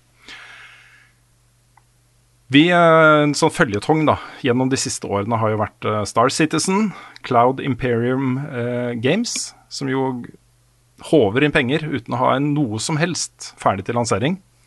Eh, det har kommet en nyhet eh, om det selskapet som jeg syns er eh, litt sånn beskrivende for hvor stort dette er uten å engang ha en 1.0-versjon klart av noen ting etter mange, mange år. Og det er at de nå skal åpne nye kontorer i Manchester til neste år. Eh, som da skal huse eh, Hold dere fast, folkens. De 400 ansatte i selskapet i dag. Og så er da planen å øke til 700 ansatte innen 2023 og 1000 ansatte innen 2026. 1000 ansatte. Jesus. 100% crowdfunda. Men klarer de, å, klarer de å crowdfunde 1000 ansatte? Har de så mye penger? De har så mye penger. Ja, de har mye penger, men, men har de så mye penger? Ja, det vet jeg ikke. Eh, Det kan hende at i de planene så ligger det jo en, en eller annen form for eh, lansering, da. Som, eh, som henter inn enda flere folk og sånt. At det blir en suksess, ikke sant. Mm. Så, men det er jo dette de planlegger for. De har jo kjøpt dette kontoret med da et utgangspunkt om at de skal vokse. Så det er svært nytt i Manchester. Ja, da følte jeg meg veldig liten når vi går og ser på kontor. Ja. ja, det er sånn det skal være plass til 15, men det kan hende at vi blir 16-17 en dag, liksom. Så, Ja. Ja, det er ikke bare til oss, da. Nei, oss. nei hvis du tenker bare level up, så er det fint. Vi må ha liksom fire arbeidsplasser med litt god plass. Ja. liksom, kanskje et studio eller litt sånn. Nettopp. Mm. Ja. Nei, det hadde vært uh, greit med et uh, sugerør inni den crowdfunding-kampanjen til eh, Cloud Imperium Games. Da Kanskje vi hadde... hadde fått en promille av det, så hadde vi hatt det fint. Da hadde vi hatt det fint resten av livet. Ikke sant? Men uh, vi er fornøyde, da. Vi har det fint, vi også. Vi har det. vi har det. Mm. Ikke har vi noen uh, svære uh, space operas in production heller, så Nei, det kan være greit. det er sant. All right. Det har kommet en, et nytt Borderlands-spill, som er et gammelt Borderlands-spill. Nærmere bestemt Tiny Tinas uh, delscene til Borderlands 2, som jo danner utgangspunktet for Tiny Tinas Wonderlands, som kommer til neste år. Eh, det er nå gitt ut som standalone-spill. Det koster en hundrings på alle plattformer, unntatt Epic Game Store, hvor den nå fram til tirsdag er gratis. Mm, så. Hvis du, hvis du er, jeg har ikke testa den. Hvis du ikke har testa den og har, er spent og har lyst til å liksom forberede deg litt til eh, Tiny Tinas Wonderlands, som er et av spillene som eh, er blant de hotte utgivelsene neste år, så har du en mulighet til det nå, da. Vi var jo innom Forza Horizon 5 tidligere i podkasten. Da lot jeg være å snakke om og, og accessibility options. så jeg eh, sparte det til nå, fordi de innfører nå da tegnspråk i cutscenes. Da kommer det da opp en faktisk person på en av de forskjellige språkene som, er, eh, som dette spillet er oversatt til, og tegnspråker det som blir sagt da, i cutscenes. Det er kult. Det er flott også. Det er kjempebra. Veldig flott. Det var jo en del andre De ga ut en egen sånn accessibility-video eh, om hvilke muligheter man har der, eh, inkludert da en ting som jeg syns er innmari fint, og en ting som også gjør at Forza Horizon eh, er en sånn serie som, og særlig femmeren, da, som passer for alle. Og som også gjør at jeg kan sette det rett opp mot Flåklypa Grand Prix som et bra sted å starte. da, ikke sant? For eh, ferske bilspillere så har du muligheten til å faktisk spille dette spillet her uten å føle deg som en idiot.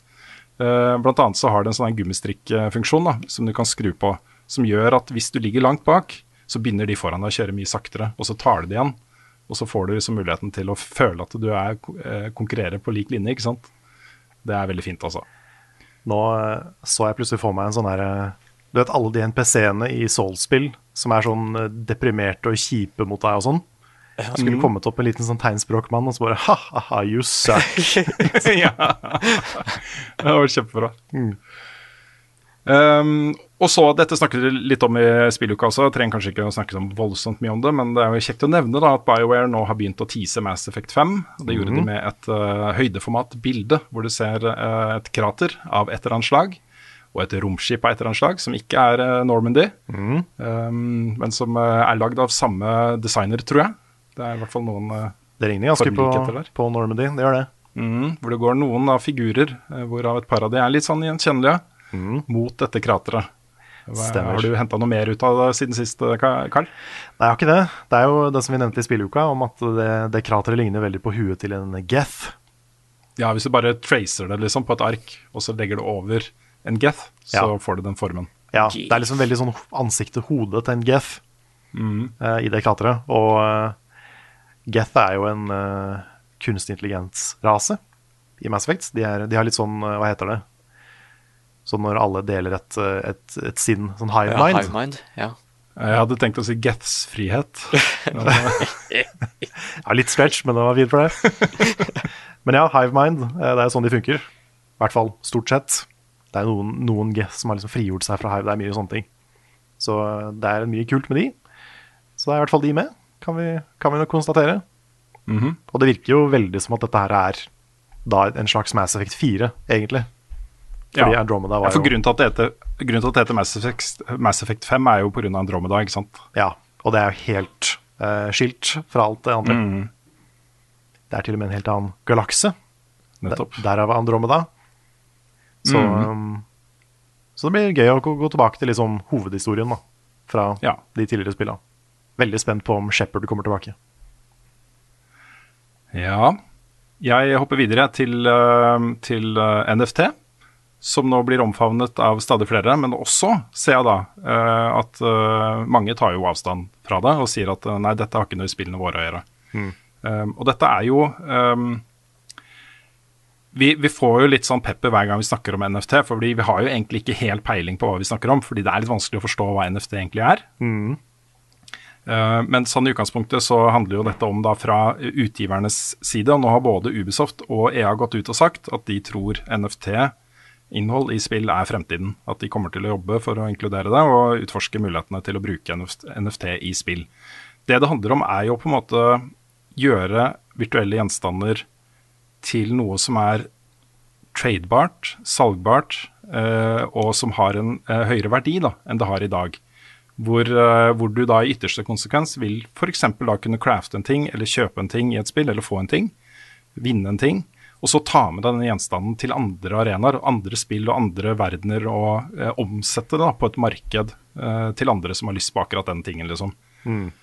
Eh, og det er jo, jeg, jeg tror jo da at, eh, at uh, dette handler først og fremst om penger for utgiverne. At de ser for seg en ny kommersiell modell som kanskje uh, kan, om ikke erstatte, så i hvert fall løpe ved siden av mikrotransaksjoner og den type ting. Um, men det er jo også en, en, eh, en slags sånn designfilosofi da, om at, eh, at virtuelle gjenstander betyr mer og mer for folk. Det har det for så vidt gjort lenge, da. Um, men uh, at, at de skal ha liksom mer holdbarhet og varighet enn de har i dag. Mm. Det er uh, Jeg opplever veldig at, at uh, skins og ting du kjøper via mikrotransaksjoner, med mindre det er Counter-Strike, da, hvor man jo kan selge disse skinsa for sjukt mye penger til andre, så er det liksom bruk og kast. Du har veldig lyst på de, og du har veldig lyst til å se ut som Batman i Fortnite, Fortnite liksom. For den uh, mech, uh, Batman-mekka-suiten, eller hva det er som de solgte der nå nettopp, det ser fet ut, liksom. Men så kommer det et nytt skin, og så blir det gamle skinnet bare liggende i arkivet ditt og liksom har ikke noen verdi lenger, da. Nei. Nei, jeg, jeg, jeg, jeg er litt forvirra om liksom, hva kommer NFT til å faktisk forandre. Fordi du må jo Hvis du i teorien da kan ta med deg det Batman-skinnet til et annet spill, så må jo fortsatt det spillet ha et Batman-skin som du får tilgang til via det skinnet du har i et annet spill. Det er ikke sånn at, det magisk, at koden til det skinnet bare magisk dukker opp i et annet spill, f.eks. Men den tingen som, som gjør at jeg er litt sånn der, også tenker at det er noe her som uh, snakker til meg, det er jo at hver gang jeg starter en ny character creator, så er det liksom OK hadde, Hvis jeg bare hadde hatt den jakka fra det, det andre spillet her, så hadde den karakteren vært så fet. Også den muligheten til å ha en virtuell identitet som du tar med deg fra spill til spill, den syns jeg er tiltalende. At jeg kan bygge en karakter som, eh, som, eh, som på en måte er min, en versjon av meg, da. I alle spill, ikke bare liksom det ene spillet som tilfeldigvis da har muligheten til å være skalla og ha fippskjegg og briller. Uh, men at jeg kan ta med meg det liksom videre. Det, den tanken syns jeg er, eh, er god, altså. Ja, jeg bare vet ikke hvor realistisk det er. Fordi du må jo fortsatt lage jakka i det spillet. Da må jo faktisk utviklerne bygge alle disse tinga som folk har NFT-er av, til spillet sitt, og så er det bare én person som har det. Men Jeg mener jo alle spill burde hatt avanserte character creators. Og hvis du ser på character creatoren i Forza Horizon 5, som er den eneste tingen som jeg virkelig vil si er ræva da, i det spillet, det er bare dufuser du klarer å lage der. Det er jo ingen uh, Det eneste positive er at du har muligheten til å legge på sånne artificial limbs. Så hvis, uh, hvis du selv da uh, mangler et bein, så kan du sette på en sånn mekanisk fot og få liksom være litt nærmere deg selv. da. Eh, Men utover det, eh, bare tull. vet du. De ser jo så idioter ut, hele gjengen. Og det er, eh, jeg, vil gjerne ha skikkelig skikkelig gode character creators i alle spill. Absolutt Ja, alle spill hvor ja, det er mulig det- å lage en karakter. Det syns jeg òg, men jeg bare vet ikke hva NFT har med det å gjøre. For du trenger, Nei, er ikke, jo- du trenger jo ikke NFT for noe av det som skjer i spillbransjen nå. Du, du kan jo bruke vanlig ja, men, har, hvis du har lyst til å sette på noen øredobber eller et halssmykke eller en eh, T-skjorte du har designa selv, eller eh, ja, men, men igjen, da, da må jo spillet faktisk ha den T-skjorta i seg. Det, det er ikke sånn at det magisk dukker opp fordi du eier det i et annet spill. Nei, men nå har jo eh, den, den her character creatoren til Unreal Engine, som de har vist fram en del nå, det er en sånn type eh, teknologi som vil kunne gå igjen da, i veldig mange spill i årene framover. Ja, men da er det avhengig av at det skjer, da. At folk begynner å dele character creators. Det er jo ting som ikke skjer nå i det hele tatt. Ja, men du kommer til å ha et skille her, for noen spill og noen utgivere tar jo avstand fra NFT og vil absolutt ikke ha det med i spillene sine, så her vil det komme et skille uansett. Og jeg tenker at de uh, utgiverne og utviklerne som omfavner NFT, de kommer til å samarbeide om en teknologi, sånn at det vil være mulig å utveksle uh, innhold fra spill til spill. Mitt, mitt uh, stalltips. Men jeg tror også at kanskje dette er en liten sånn blaff også. Ja, jeg, jeg følger Jason Shire på Twitter, selvfølgelig. Og han har jo gått til utviklere og, og folk oppi i folk i suits og spurt om liksom hva, hva nøyaktig kommer til å skje her. Og det virker som veldig mange sier at nei, NFT er fremtiden, men vi vet ikke hvorfor. Nei, ikke sant. Det er, det, Ja. det er bare dette sier vi, og da blir investorene fornøyd. Og så finner vi ut etter hvert hva vi kan bruke det til. Ja. Og jeg har fortsatt ikke hørt om en eneste ting som krever NFT for at det skal funke. Jeg, liksom, jeg, jeg klarer ikke å se for meg hva NFT i spill er. Det som er tingen her da, altså jeg, jeg kan ikke voldsomt mye om blockchain-teknologi og cryptocurrencies og NFT-er og sånne ting, men jeg har lest masse om det, uten å bli megamye klokere, men litt klokere. Eh, og det er noe med grunntanken til blockchain og cryptocurrencies som jeg syns er veldig sånn demokratisk, og litt sånn der hacker, uh, fuck the system-type mentalitet. da. At ok, nå skal vi uh, lage vårt eget system utenfor uh, alt som er styrt av liksom eh, big business og de svære gigantene som sitter og bare ikke sant? Det er noe et eller annet sånn nesten litt sosialistisk og eh, anarkistisk eh, bak dette her. Eh, og eh, blockchain i seg selv er jo et system for å, ehm, for å gjøre noe digitalt unikt. Og det er også eh, Det er noe grunnleggende interessant der, syns jeg, som, som har mye for seg i framtiden. Men det som er mitt inntrykk, da, er at veldig mye av denne teknologien her, inkludert NFT-er, inkludert blockchain, inkludert cryptocurrencies, har blitt litt sånn derre eh, Nesten litt sånn valutaspekulasjon, hvor det sitter noen og utnytter et system for å bli rike, mens de aller, aller fleste eh, ikke helt forstår hva som foregår, og kanskje blir litt eh, revet med og eh, tenker at nå nå skal jeg eh, hive meg på dette her før det er for sent, og før alle prisene farer i været og sånt, og så selge, liksom. De taper penger. Eh, og det, når det er sånn i praksis, så er det, synes jeg det er vanskelig å omfavne ting, selv om på en måte det er en kjerne her som, eh, som, som jeg syns har ver- verdi. da.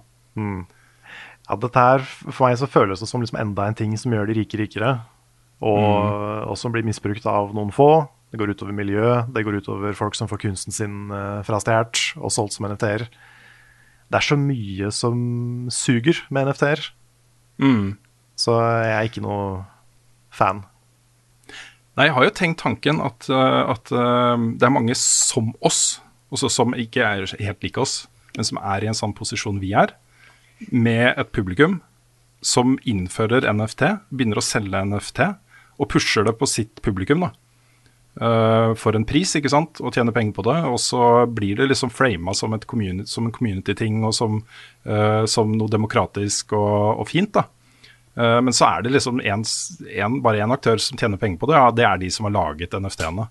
Eh, og det, det føles så uærlig og uetisk å kaste seg på uh, dette her akkurat nå, fordi det er så mange der ute som bare er mer De vil bare være med på den nye tingen, liksom. De har hørt historien om folk som kjøpte bitcoin for en slikk og ingenting for 10 år siden, 15 år siden, eh, og som i dag har solgt liksom og tjent mange, mange millioner kroner på det. Det, det er de historiene som folk går inn i dette her med, ikke sant. Og det er um, Ja. Det er, eh, jeg hadde ikke vært komfortabel med å pushe NFT også. Level up NFT-er. Nei, Det ikke. ikke i det hele tatt. Og det, og jeg, jeg klarer ikke helt å, å vri huet mitt rundt den der eh, bruken i spill. At mange spill skal måtte modellere en T-skjorte som bare du har, liksom. Åssen skal det funke i praksis? Det Mm. får jeg ikke til å stemme. Én til én detalj, detaljert eh, eh, gjenskapelse av kjønnsorganer, Carl. For, for, eksempel, for, for eksempel. Jeg kan ta med meg tissen min inn i Elden Ring. Ikke sant? Ja. Mm. Men det er jo eh, Det var også noe på Twitter, jeg husker ikke hvem det var, så jeg får ikke kreditert dem. men eh, sånn Tenk på det der eh, pluss ti-sverdet som du har jobba så mye med å få opp i maks-level i, i Dark Souls. Nå kan du ta med deg det inn i Forsa. det er liksom Det det er så forskjellige spill, ikke sant? Så Det er jo et Ja. poeng, det òg. Sånn, hva, hva skal du gjøre med en biker-T-skjorte i, i Skyrim, da? Mm. Det funker jo ikke sånn. Spill er jo forskjell- er, spill er for forskjellig til at det der kan funke. Nei, men også, altså, se for deg dette her. For det, dette er, nå begynner vi å nærme oss kjernen i, i måten uh, de tenker på, da, hvis det ikke bare liksom er NFT, vi må gjøre noe på det. Men si da, hvis dette pluss ti-sverdet ditt, som du har jobba så hardt for å få til i Dark Souls, hadde vært tilgjengelig for kjøp i Elden Ring, i en butikk, også en uh, virtuell butikk, da, hvor du går inn der, og så har du liksom eh, sånn eh, Soulsborne Greatest Hits Collection, et eller annet, liksom. Og der ligger det sverdet ditt. Det sverdet du har beviselig, for det ligger i save-fila og er liksom knytta til blockchain og de tingene, ikke sant. Så kan du for en tier, liksom, kjøpe det sverdet og ta det med deg inn i Elden Ring. Ja, altså For det første så hater jeg egentlig den ideen. Uh, men for det andre så Jo, jo, jeg, kan- jo jeg er ikke noen tilhenger av den. Nei, nei, men for det andre så kan du også gjøre det uten NFT-er. Du trenger bare å lese save-fila. Ja, det er helt sant. Nå, Så du, du kan, kan jo implementere det nå. Du trenger jo ikke NFT for noe av det her. Nei, det er for lett. Det må være kronglete, Carl. Ja, ja, men det må det. Nei, jeg bare jeg kjenner at jeg får, jeg får litt sånn der eh, vond smak i munnen av hele denne greia. Jeg også. Jeg gjør det også. Jeg, bare, jeg har fortsatt ikke oss- hørt et eneste godt argument for at dette er bra. Nei, La oss avslutte nyhetsspalten med noe litt hyggeligere, nemlig Awesome Games Done Quick. Som Ja. er en eh, to, eh, to ganger i året så stopper spillverden opp for å hylle da eh, prestasjoner i spill. Og det er speedruns, stort sett. da. Det er jo alltid liksom noen litt mer gimmicky poster på programmet der. Men det er jo én uke med en feiring av spillmedia og måter å breake spill på. Hva, hva kan vi gjøre for å liksom ødelegge det spillet her og komme gjennom fortest mulig? eksempel. Jeg skal ikke gå gjennom hele programmet, men uh, datoen er fastsatt. Det er fra 9. til 16. januar. Uh, er da neste versjon av dette her. Uh, det er da også en eh, charity som går da til Prevent Cancer Foundation. Og det er jo samles inn utrolig mye penger hver gang dette er, så det er jo en flott ting da, for alle som er interessert i spill. Absolutt. Eh, Jeg har gjort et lite utvalg eh, fra programmet, eh, og jeg har valgt da å ikke ta med The Usual Suspects, så det er ikke så mange Sonic-spill som jeg nevner og, og sånne ting. Men de er der, de også, selvfølgelig. Det er mye Sonic og Megaman og Mario og Zelda og sånt. Of course. Eh, men hør nå her, da. Deathloop, any percent, på 25 minutter. På 25 minutter, Nick, er det mulig? Oi, åssen er jeg Nei, åssen er det mulig? Nei, det er jo ikke det.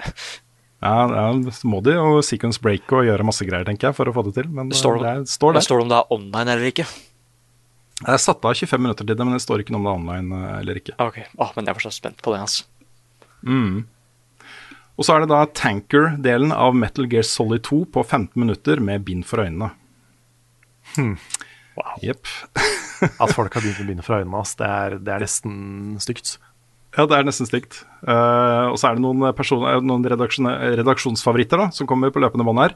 Dead Space 2, Oi. uh, Spiderman, Åh. altså remastered-versjonen som kom til PlayStation 5. Ja, ja. Nice. Kana, Bridge of Spirits, Hey. uh, Psychonauts 2, den skal jeg se. Uh, ja, Super Monkey Ball, Banana Mania. Åh, det blir crazy.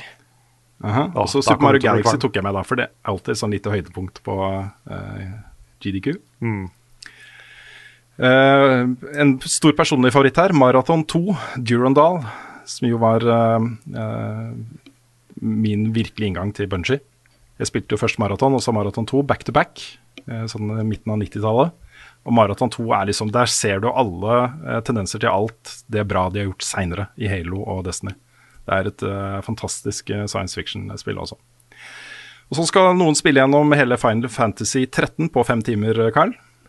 Ja, det er jo ganske spenstig. It possible? Det, hmm. altså, jeg syns jo ikke Final Fantasy 13 er i nærheten av det beste spillet i den serien. Men det er veldig lineært. Så, Ja. de, så de må jo gjøre noe for å få det til å bli mindre lineært, Ja, jeg. det blir spennende å se hva de gjør. Ja, jeg må få det med meg. Hva med Near Automata på halvannen time? Oi. Nei, det er Ja, eller hmm. Står er det hvor mange endings de skal ta? Nei, Ja, Det sto et eller annet om det. Nei, det sto et eller annet om det, men jeg husker ikke det i farta. Ja, fordi jeg kan klare på ett minutt. Med riktig ending, så Ja. klart. Men, eh, ja, men da er jeg spent på hvilken ending det er. Mm. Ja, ja, stemmer det! Det var den tingen som akkurat ble oppdaga. Eller ikke akkurat oppdaga, men det, det var noen som fant en hemmelig slutt for noen måneder siden. Kanskje det er den. Ok. Som med vilje var lagt Den inn er- i spillet, liksom. Så jeg er veldig spent på den. Ja, kult. Det neste er jeg også veldig spent på, fordi um, en av de speedrunnene som har vært morsomst å se på tidligere, har vært Half-Life 2. Uh, det er tilbake på programmet. Uh, Half-Life 2 skal da fullføres på 1 time og 5 minutter. Og det spillet er jo fullt av sånn derre uh, klipping og, og uh, triks da, for å uh, hoppe over innholdet osv. osv. Det er veldig morsomt å se på. Folk løper liksom bare på ingenting. De går liksom bak kartet på et område, ikke sant? og så bare er de plutselig gjennom hele ikke sant? Så det blir gøy. Um, Kingdom Hearts 2 Final Mix HD uh, på tre timer og ti minutter. Ja, jeg tror faktisk det er en randomizer. Ja, kult. Vi skal faktisk spille speedrunne Kingdom Hearts 2 randomizer, og det er ganske gøy å se på. Mm. Det er gøy å spille òg. Ja, og så har vi Resident Evil Village på to timer og ti minutter. Det kan også blir gøy å se på. på. blir veldig morsom. Ja, det er da Svendsen som skal ha den. Ja, Det er Svendsen. Ja, det er jo ikke det, men det hadde vært kult. Han er ikke så langt unna, tror jeg, å kunne Nei, kunne- kjøre, kjøre en sånn. Han kunne nesten stilt opp på GDQ. Ja, jeg tror det, altså.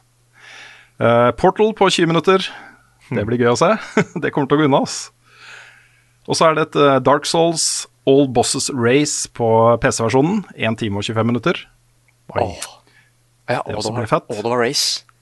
Mhm. nice. Hades på to timer. Det handler da om å komme seg ut av, eh, av helvete, vil jeg tro. Ja, det er vel alle våpen på den, tror jeg. Ok. Så det blir vel Ja. fem runs, da.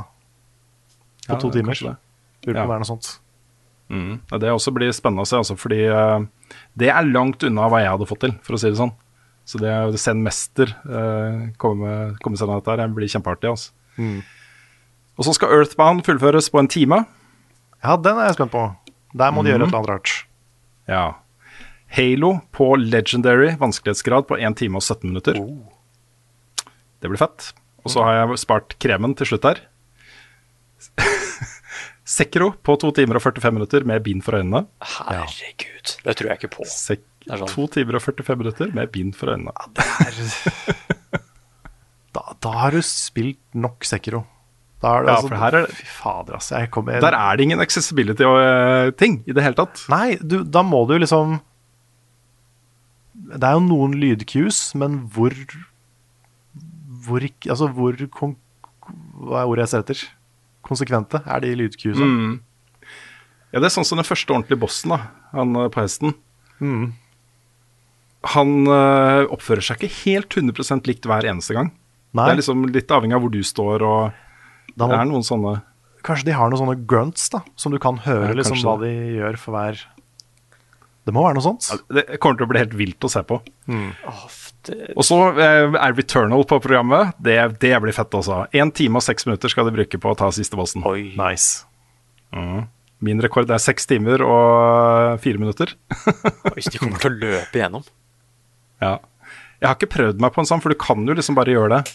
Du kan eh, løpe til bossen og så plukke opp det våpenet som ligger rett før. Ja, som jo er eh, litt høyere level enn en det du har. Det er sant. Men er det hele Returnal, eller er det første halvdel, eller?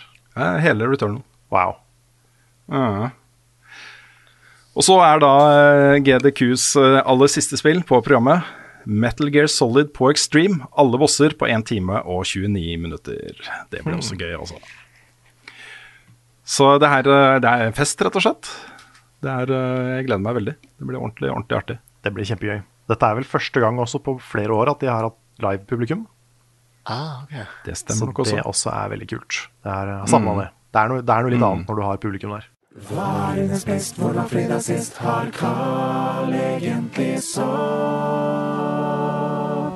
Ukens spørsmål. Og da har vi kommet til ukens spørsmål, dere. Eh, siden jeg er programleder, kan jeg ta det første da. Ta det første. Det er greit, eh, Nick. Ok, Fordi det var eh, sist gang jeg var på podkasten. Da var jeg ikke programleder. Og da sa jeg det at jeg prøvde å finne spørsmålet til han herre Carl Drogo. Ja. Fordi vi møtte jo flere av fansen på showet. Eh, og jeg fant ikke spørsmålet da, men jeg fant det nå. Og det er, litt, det, er litt, det er litt langt, så jeg må forkorte det litt. Men eh, han spør da om hva er tankene våre bak dette her piratspillet til Ubisoft, uh, Skull and Bones? Nå som det liksom har vært i produksjon så lenge. Åssen kan fullproduktet bli, tror dere? Vi kan jo gjette at det blir en del NFT-er, da. Ja. I det spillet. Hvis du kjøper deg skipet fra Kjuttaviga, kan du ta med deg det inn i Skull and Bones. Ja. Ah, ja, fordi, fordi det er sånn derre Jeg likte jo veldig godt eh, Black Flag sin combat, liksom. Mm. Jeg syns den derre Assassin's Creed-spillet har fått til piratslåssing på havet. Så jeg ser for meg at det, ja, Valhalla var også kul her. Nei, jeg mener, eh, jeg mener uh, Odyssey. Og da, da ser jeg liksom for meg at det, det, det hadde vært Kanskje ikke i lengden, men det kunne vært litt gøy som en e-sport. Bitte litt. Hvis det faktisk Ja, det- er mulig å gjøre sånne skikkelig kule taktikker og sånn. Mm. Det er det jeg frykter litt, da, fordi mitt uh, forhold til uh, sjøcombat i uh, Assassin's Creed-serien er at det er gøy i 20 minutter. Ja. Ja, for jeg også er litt der, altså. Jeg syns det, var- det var gøy av og til. Mm. Men det var også litt sånn padding fram til jeg kunne være assassin igjen, på en måte. Mm. Så, eh, men du, du går jo kanskje inn i det med en annen innstilling da, når, det bare er, når det bare er det. Mm. Så um, jeg tenker hvis de bygger videre på det, kanskje ha litt, uh, litt dypere combat. Ikke fullt så mye spamming av alt du har, og sving inn i det hopp på det beste, liksom. Ja. Mm. Um, så er det jo sikkert elementer fra Sea of Thieves de kan bruke der. da. Sånn, jeg vet ikke om de skal ha noe for, form for utforsking utafor båten, eller om, om målet er at det bare skal være skip. Jeg tror det bare er båten. Ja. Men det er ikke så godt å vite nå, da, for de har jo gått tilbake til eh, scratch flere ganger virker det som, med det prosjektet der. Så det kan hende det er noe helt annet nå enn det var da vi så det sist. Mm. Nei, jeg jeg, um, jeg tror at uh, å fokusere Hvis de fokuserer kun på sjøcombat, så kan det bli uh, Så er det fare for at det kan bli litt tynt også. Men hvis du i tillegg får liksom litt sånn uh, bymanagement, altså din, ditt hjemsted, skal drive og utvikle det på et eller annet vis, og hvis du gjør det, så kan du få flere oppgraderinger til skipet ditt, og så kan du kanskje uh, sette vennene dine i co-op-posisjoner på skipet i combat og ta litt sånn Sea of Thieves, som du sa, Carl, inspirasjon. Og gjøre det til en sånn sosial opplevelse, i tillegg til at man må samarbeide og kommunisere godt og sånne ting. Så begynner det å ligne noe. Og jeg, jeg tror nok de kommer til å, å, å, ha et ganske avansert konsept på plass også når det først kommer ut. Kanskje du skal bygge Så- opp Tortuga med liksom det du stjeler, ikke sant? Oh, Mm. ja. Kan hende. Nei, det er, jo, det, er, det er jo noe her, altså. Jeg, men jeg, den er ikke sånn superhøyt på min radar. Rett og slett fordi, uh, fordi um, jeg har ikke funnet så mye glede i disse sjøcombat-tingene. Nei. Mer har vært en ting jeg må gjøre for å ta det ene målet, som tilfeldigvis er på et skip. Sånne ting, da. Mm. Ja, nei, jeg, jeg håper det blir bra. Jeg håper det blir liksom bra nok til å bære til spill. Det må jo Mm. bli så bra for at det skal funke. Ja. Nei, de, må, de, må, de må gjøre masse med de sosiale tingene. Så, ting du kan finne på på skipet sammen med vennene dine. Spille musikk og, dekorere skipet og minispill og Kanskje de har noen arkademaskiner på båten. For eksempel. For, for eksempel. Mm. De kan i hvert fall ha liksom eh, type mayong og sjakk og bondesjakk og, og sånt, da. Det går Eller an. Orlog. Orlog kunne de hatt, ikke sant? For de har sikkert vært innom en viking-settlement. Ja, Stjålet noen sånne terninger og sånn. Så eh, ja. Det er, nok, det er sikkert nok svar på spørsmålet, kanskje. Ja. Vi får se. Håper, Jeg vil jo nevne, nevne også at ja, jeg vil jo nevne også at, eh, at det var jeg ikke klar over da, men jeg eh, var jo innom NRK eh, på tirsdag, hvor det da var en, en som sa at broren hennes var, så på level up, lurte på om jeg kunne sende videohilsen, og da var jeg ikke klar over at det var Carl Drogo da jeg sendte den videohilsen, men da hadde jeg jo akkurat snakket med han på liveshowet vårt bare noen dager i forveien, så det var litt artig, pussig sammentreff. Ja, Så Du skulle sagt det riktige navnet, liksom. ja, jeg skulle det. Det er, det er Carl Drogo han heter. Kalla, han heter jo egentlig noe annet, jeg skal caute det siden han hva det navnet er. Men Eh, eh, Men nå vet jeg det, da. Nå vet jeg det. mm, kan også avsløre at han hadde en, eh, en, en vakker bart på showet vårt. Absolutt. Absolutt. Mm. Skal vi ta neste spørsmål? Yes, det kan vi gjøre. Ja, Har du et, Rune, eller skal jeg ta et? Jeg kan ta et som vi snakket om at vi skulle ta. Ja, gjør det. Fra Norton Jonasson, som lurer på om vi kan huske det første vennskapet vi stiftet via et online-spill. Kan det. Mm. Hvem vil begynne? Jeg kan godt begynne. Okay. Ja. Uh, det var nok de to som eh, I hvert fall han ene, men eh, egentlig også begge. begge, ble kjent med en fyr i Nederland og en i Italia da jeg spilte Half-Life 2 eh, på nett. Og de har jeg fortsatt kontakt med. Ikke sånn jevnlig og sporadisk, og vi reiser ikke og besøker hverandre og sånne ting, men eh, den ene fine funksjonen til Facebook, da. At jeg kan følge med. Ok, nå har han fått en kid til og bytta jobb og gratulerer hverandre med dagen og sånne ting. Og dette er jo Vi snakker liksom 1999. eh, 98-99. Og det er, eh, det er mange år siden. Men at vi fortsatt har kontakt. Og jeg har vært i Milano og besøkt eh, Andrea, som viste meg rundt til det beste pizzastedet og ga meg rabatter på hvor han jobba på Armani Store og sånne ting. Oh. Begge de to hadde jeg mye kontakt med. da. Eh, Etter at vi var lei av Half-Life 2 også, så spilte vi en del andre spill sammen. Og bare hadde kontakt, da. Det var, det var veldig flott, altså. Det var hyggelig.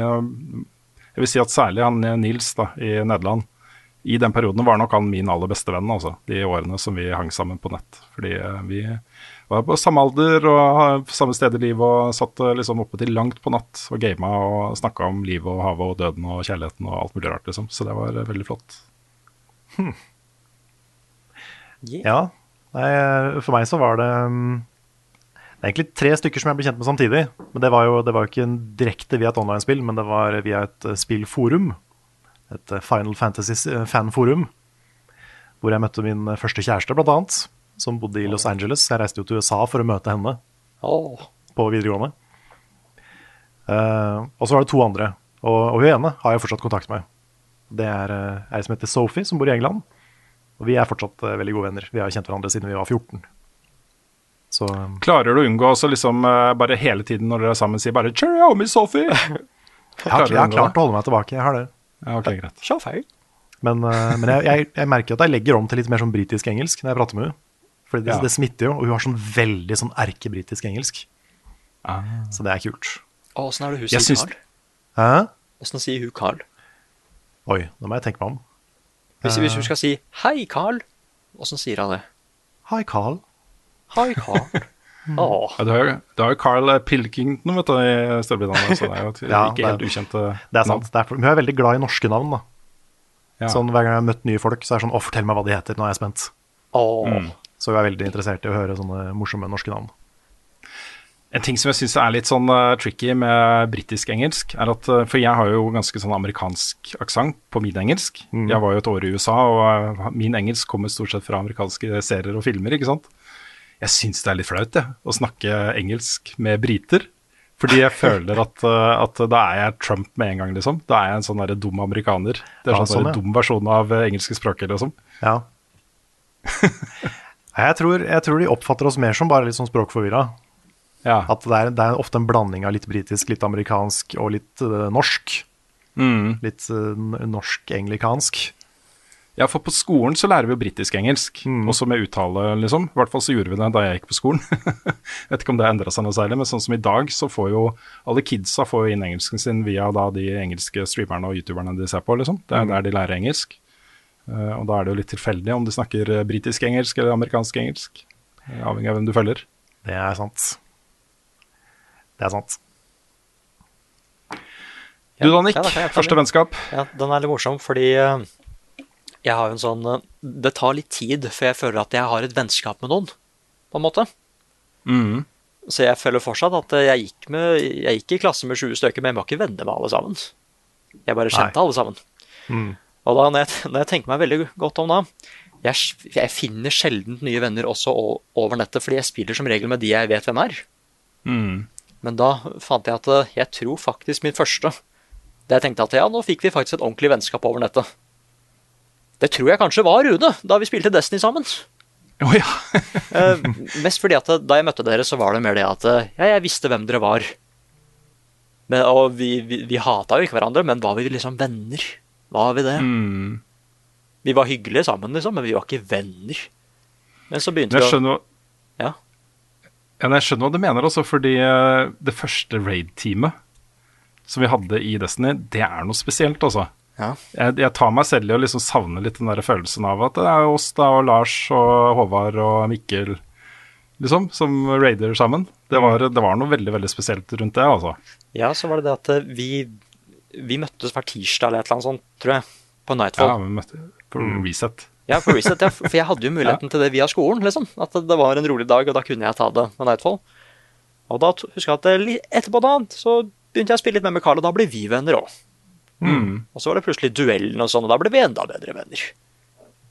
Men jeg husker, jeg husker den veldig godt, ja, at det var liksom det første gang hvor det var at eh, jeg visste hvem det var, men var det egentlig en venn? Ja, kanskje ikke da, men så tok vi Nightfall og greier, ja, og da, da var det et vennskap der. Mm. Men jeg også er veldig sånn Det tar lang, det tar lang tid å gå fra liksom bekjent til venn for meg. Der dukka det en opp en hund. der! Der dukka det opp en hund. Det var en hund som ville ha litt kos. Åh. Ja. Og du sa Ja, det skal jeg aldri nekte hunden. Nei, det er viktig. Det er viktig. Nei, jeg, jeg skulle bare si at jeg er litt, litt sånn som deg der. Det tar lang tid å gå fra bekjent til venn for meg òg. Jeg har mange bekjente, og eh, for så vidt også mange venner nå. Men, eh, men det er litt sånn det er, det er noen skritt fra det ene til det andre. Ja. Det er liksom bli litt trygg på en person og liksom føle at nå kjenner jeg de, og nå er vi venner. Ja, for det, det, sånt tar lang tid for meg, altså. Mm. Mm. Ja, tenk hvis jeg sa at det, det, jeg har jo egentlig bare tre venner i level up. Resten er bekjente. Tenk hvis jeg sa det. Tenk om du sa det. Nei da, sånn er det heldigvis ikke. Nei. Der jeg føler jeg at alle alle, er i level up føler jeg er venner. Ja. I hvert fall nå. Mm. Jeg er Helt enig. Men ja, så jeg tror søren meg det var Rune. Jeg kommer, ikke på Ja, det er noen, jeg kommer ikke på noen før det. For igjen, alle jeg spilte med, var venner fra skolen, liksom. Mm. Jeg snakka veldig sjeldent engelsk med folk. Jeg tror faktisk ikke jeg gjorde det noe særlig. Men det er en, det er en del av noscope som jeg føler er litt sånn der eh, Carl viser fram vennene sine, på en måte. Det er så, det, det, var litt av grunnen til å lage noscope var å bare henge med alle folka. Ja. Jeg skjønner. Det er jo det Kojima gjør. Ja, jeg er litt, litt sånn Kojima på akkurat det. Ja, ja. All right. Yeah. Shall, we, shall we go on? Ja. Det kan vi gjøre. Skal jeg, jeg har et uh, mindre Karl har et spørsmål? Jeg kan ta et uh, kjapt Ok. eh, fra Simon Rømo. Han spør Hei, bruker dere noen type app eller nettside for å holde styr på hvilke spill dere har spilt? Ønsker dere ha på, har lagt på hylla and so on? Eksempel backlog.com eller howlongtobeat.com. vil egentlig bare eh, svare at eh, ja, howlongtobeat.com er en genial side. Ja.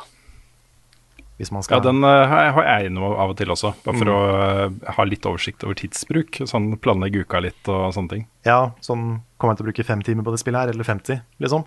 Mm. Det er greit å vite av og til. Mm. Men han setter jo fingeren på et, uh, en issue, da, fordi jeg har jo gått over til mer eller mindre heldigitalt på spill. Det er ekstremt sjelden at jeg kjøper et fysisk spill. Og det er jo sånn, det ligger jo bare der, og jeg har jo endt opp noen ganger da med å kjøpe et spill jeg allerede har kjøpt før, f.eks. jeg bare husker, husket ikke at jeg hadde kjøpt det på salg et eller annet sted før. Så det er noen spill som jeg har opptil flere kopier av. da. Det på verste, verste tilfelle er liksom tre uh, deluxe-versjoner av The Witcher 3 på forskjellige plattformer, eh, hvorav to av de er på PC. Oi. En er på Good Old Games, og andre er på Steam. så, så kanskje det har vært greit å ha litt oversikt. Hva Nick? Har du noen uh, sider du liker å bruke? Nei, ikke egentlig. Jeg, jeg bruker egentlig bare How Long To Beat når det kommer til streaming og sånn. Hvis det liksom er gode og sånne skikkelig konsentrerte streamingopplevelser som jeg kan få gjort på én stream. Men ellers så bare holde styr på det jeg har spilt før, og sånn, så bare husker jeg det. Mm. Og jeg glemmer jo ganske mye. ja. Yes. Ja. Du hadde et spørsmål, Nick? Ja, det er veldig, veldig kjapt et. Fra, fra skal vi se, Bo Adrian Støren, eller, eller Bo, Bo Adrian, eh, sier hei.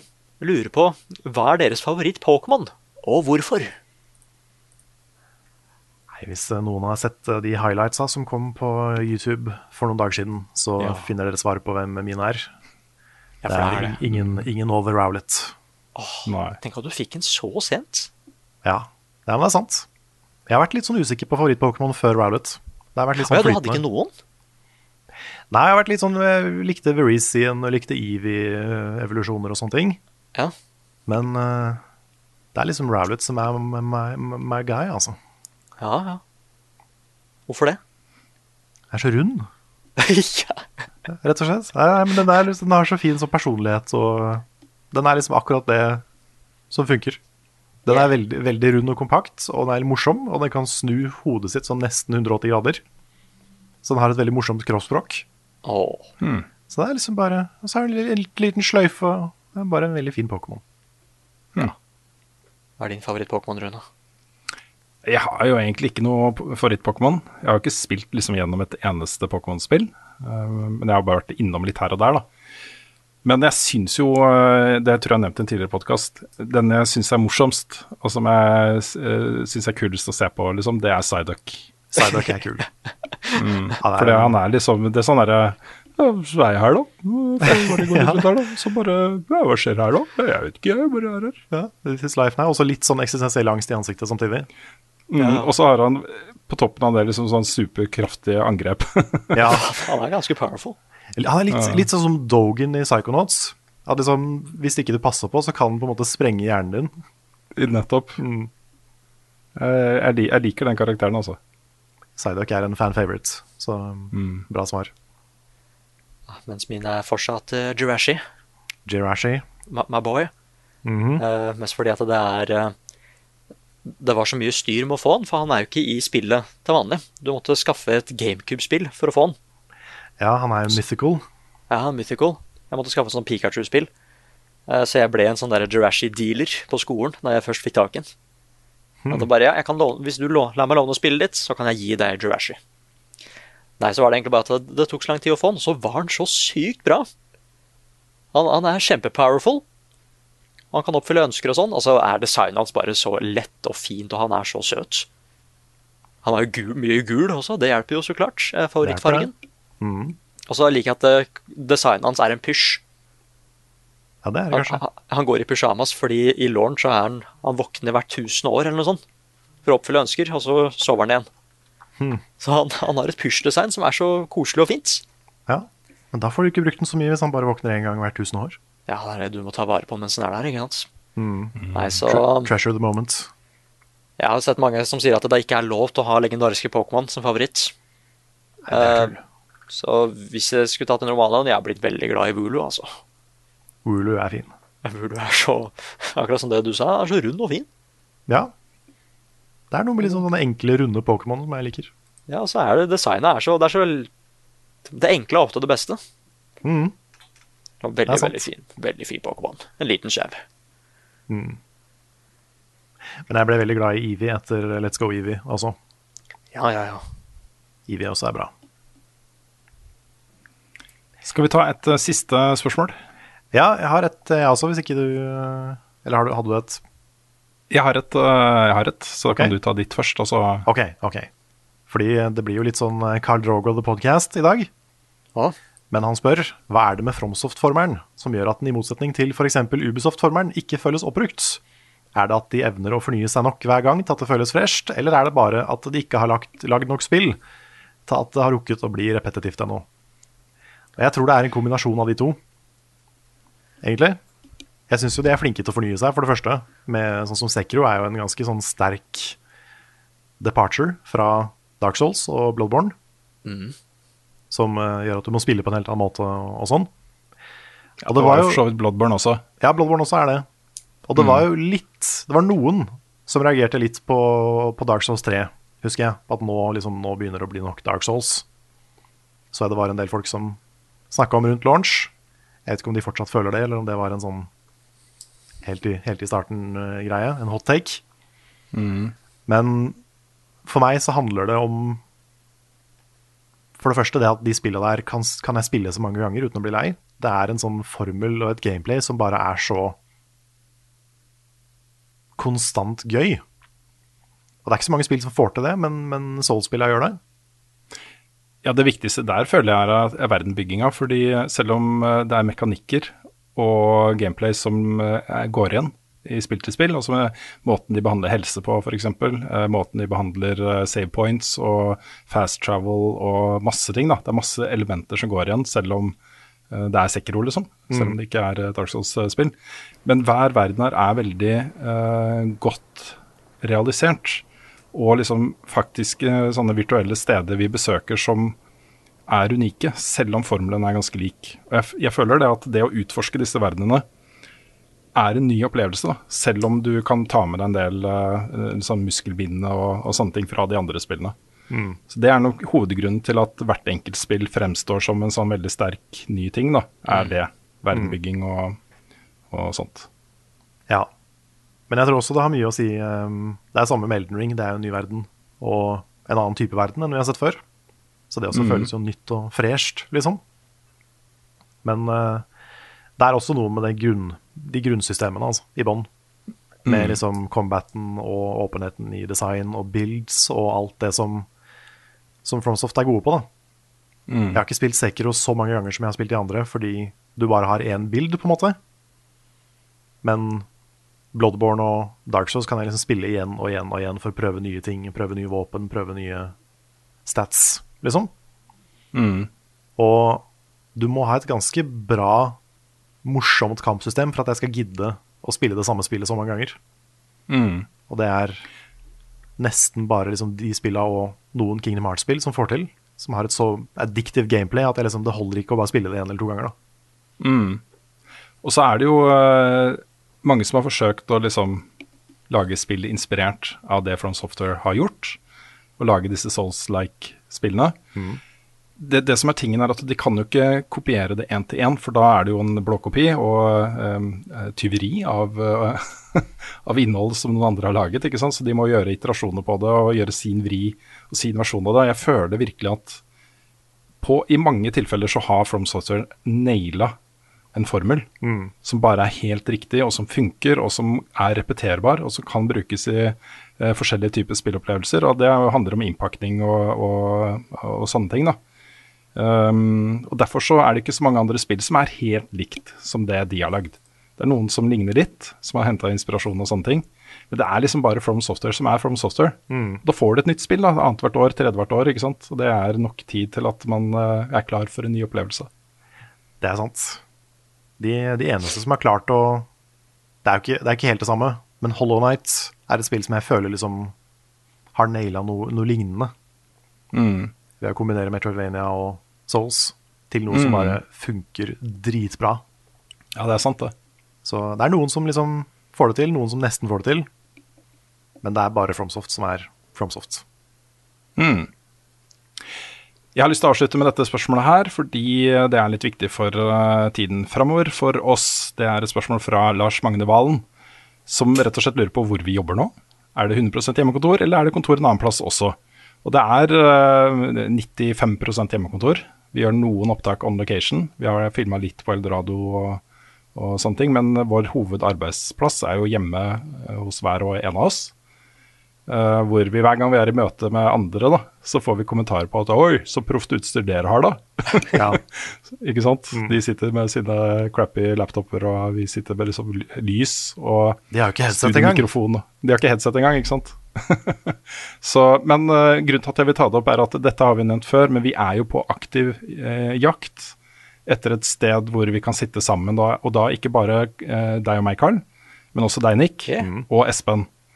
Sånn at vi får liksom et sted hvor vi kan sitte sammen, hvor det også er studiomuligheter, er liksom det optimale, da. Ja. Så um, jeg har ikke noe konkret å si om det akkurat nå, men jeg er helt sikker på at i løpet av ganske kort tid så kommer vi til å, til å kunne ha noe å melde der. Ja. Men det er målet vårt, er å, å sitte sammen og jobbe. Mm. Vi, er, vi kan si det at vi er på aktiv leiting, og vi nærmer oss. Å ja. Greit, nå er jeg spent på om du husker hele den der uh, rulletekstgreiene til Frida, Nick. Uh, skal vi se eh, Skal vi se her For jeg, nå har jeg liksom gjort klar noe av informasjonen, i hvert fall. Ja, det er bra. Eh, jeg husker ikke om vi pleier å si hvem som har vært her først. På podcasten, liksom. Nei. Nei, det pleier den ikke. Men, Men Du kan godt si det. Du kan legge din vri på det hvis du vil. ja, men eh, Make it yours. fordi- men nei, folk veit hvem vi er. Men eh, Ja. skal vi se her eh, For dette har Du har hørt på en Det står allerede stille. Du har hørt på Level Backup, Ja. som er vår spillpodkast. Mm, Som er blitt eid av Level Up. Ikke som har blitt eid, som eies av Level Up. Uh, men du finner også Level Hvem- Up på andre steder. Hvem er utgiver? Hvem er utgiver? Hvem er, det vet ikke jeg. Moderne media. Moderne Media, ok. Moderne Ja. Media er utgiveren. Eh, skal vi se her eh, Og så er det hvor du også kan finne oss, da. Eh, Ja, Vi pleier å ta musikken først. eh, Ja, Ja, låten i har den? Er eh, skrevet av Ole Sonnik Larsen Yes! og framført av Kyoshi Orchestra. Det, det stemmer. Eh, og så er det hvor Hvem har lagd vignettene? Hvem har lagd Ja, men vignettene? herregud. Det er eh, Å nei, for jeg, tro, jeg trodde det var han som hadde lagd musikken. Nå står det Er det han vi har prata med om andre ting, Nick? Ja, han, han heter faktisk fant, Fantastiske Martin Herfjord. Ja, han heter Fantastiske Martin. Fornavnet er Fantastiske. OK. Ok, Mm. Er det nå Ja. hvor vi er hen? Ja. Ja, Ja. fordi hvis du har lyst til å liksom få med deg mer level up, da, bortsett fra podcasten, så finner du oss på eh, YouTube, eh, slash level up nord, og du finner oss også på, skal vi se, da tar vi, vi finner oss også på Twitch, der er det også level up nord. Stemmer? Hvem, hvem vet, kanskje det skjer noe der til helgen? Kanskje det? Kan hende. Eller er det, det er bekreftet at det skjer noe der? Ja, vi prøver, vi prøver å få til, men vi er ikke 100% bekrefta ennå. Nesten Okay. 100. 90. Ja, 95. Eh, og så har vi en Discord som heter, som, som, den er vi, som heter bare Level Up Norge. Stemmer det? Mm. Eh, og så kan du også få vårt, eh, vårt stilige merch på Spreadshirt. Eh, slash Level Up Norge. Ja, ikke helt riktig. My Spreadshop. Hva? Ja, jeg tror det er levelupnorge.myspreadshop.no, er det det? Ah, ja, men Nei, jeg tror det er myspreadshop.levelupnorge.no. det er den der mer informasjonsgreia på Facebook feil, tenk. Ja, kanskje, kanskje det var Level Up Norge først, ja. Det var faktisk jeg som hadde rett. Det var levelupnorge.myspreadshop.no. Ah, der kan det Ja. ses. Eh, og til slutt, da, så vil jeg jo si eh, tusen takk til alle dere som støtter oss på Patreon. For vi er jo der òg. Kunne ikke holdt på med det her hvis det ikke var for dere. Nei, det er helt sant. Og det var jo, eh, var jo et sånt kjempe eh, stor del av den gleden vi følte da, ved det jubileumsshowet vårt eh, forrige uke. Var jo det å kunne se eh, mange av Patreon-backerne våre inn i øynene og takke for støtten. Fordi vi hadde faktisk ikke eksistert. Det showet hadde ikke kunnet kunne blitt holdt hvis ikke det var for at eh, folk backer oss på Patreon. Så det er uh, amazing. Det er helt sant. Vi Yeah. hadde ikke sittet her nå og laga podkast eller laga video eller noen ting hvis ikke det var for alle de. Nei, jeg tror kanskje vi hadde beholdt podkasten, for den kunne vi ha lagd på fritida, selv om vi måtte ha noe Ja, kanskje, dagjobber. kanskje, kanskje podcasten kunne vi pressa inn. Ja, Ja, Det er sant. men tusen takk. tusen takk. Uh, og da, da tror jeg vi er ferdig. Ja, jeg tror vi er gjennom. Ja, jeg Tror vi har tatt alt nå. Ja, så da er det egentlig bare Sier egentlig bare 'snakkes dere' i neste podcast. Så det er torsdag. Yes. Nå tok jeg en helt feil, for hun pleier å si at uh, Hun sier jo alltid 'så snakkes vi neste uke'. Neste veka, veko. Så snakkes vi Her kommer den. Så snakkes vi neste uke.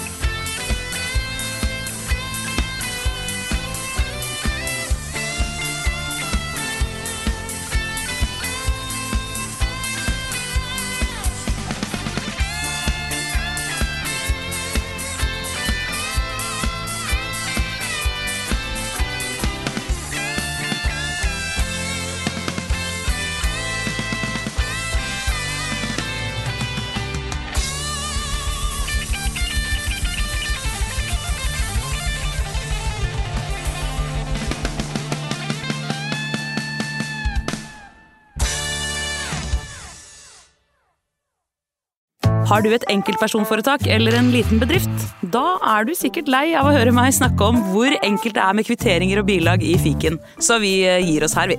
Fordi vi liker enkelt. Fiken superenkelt regnskap.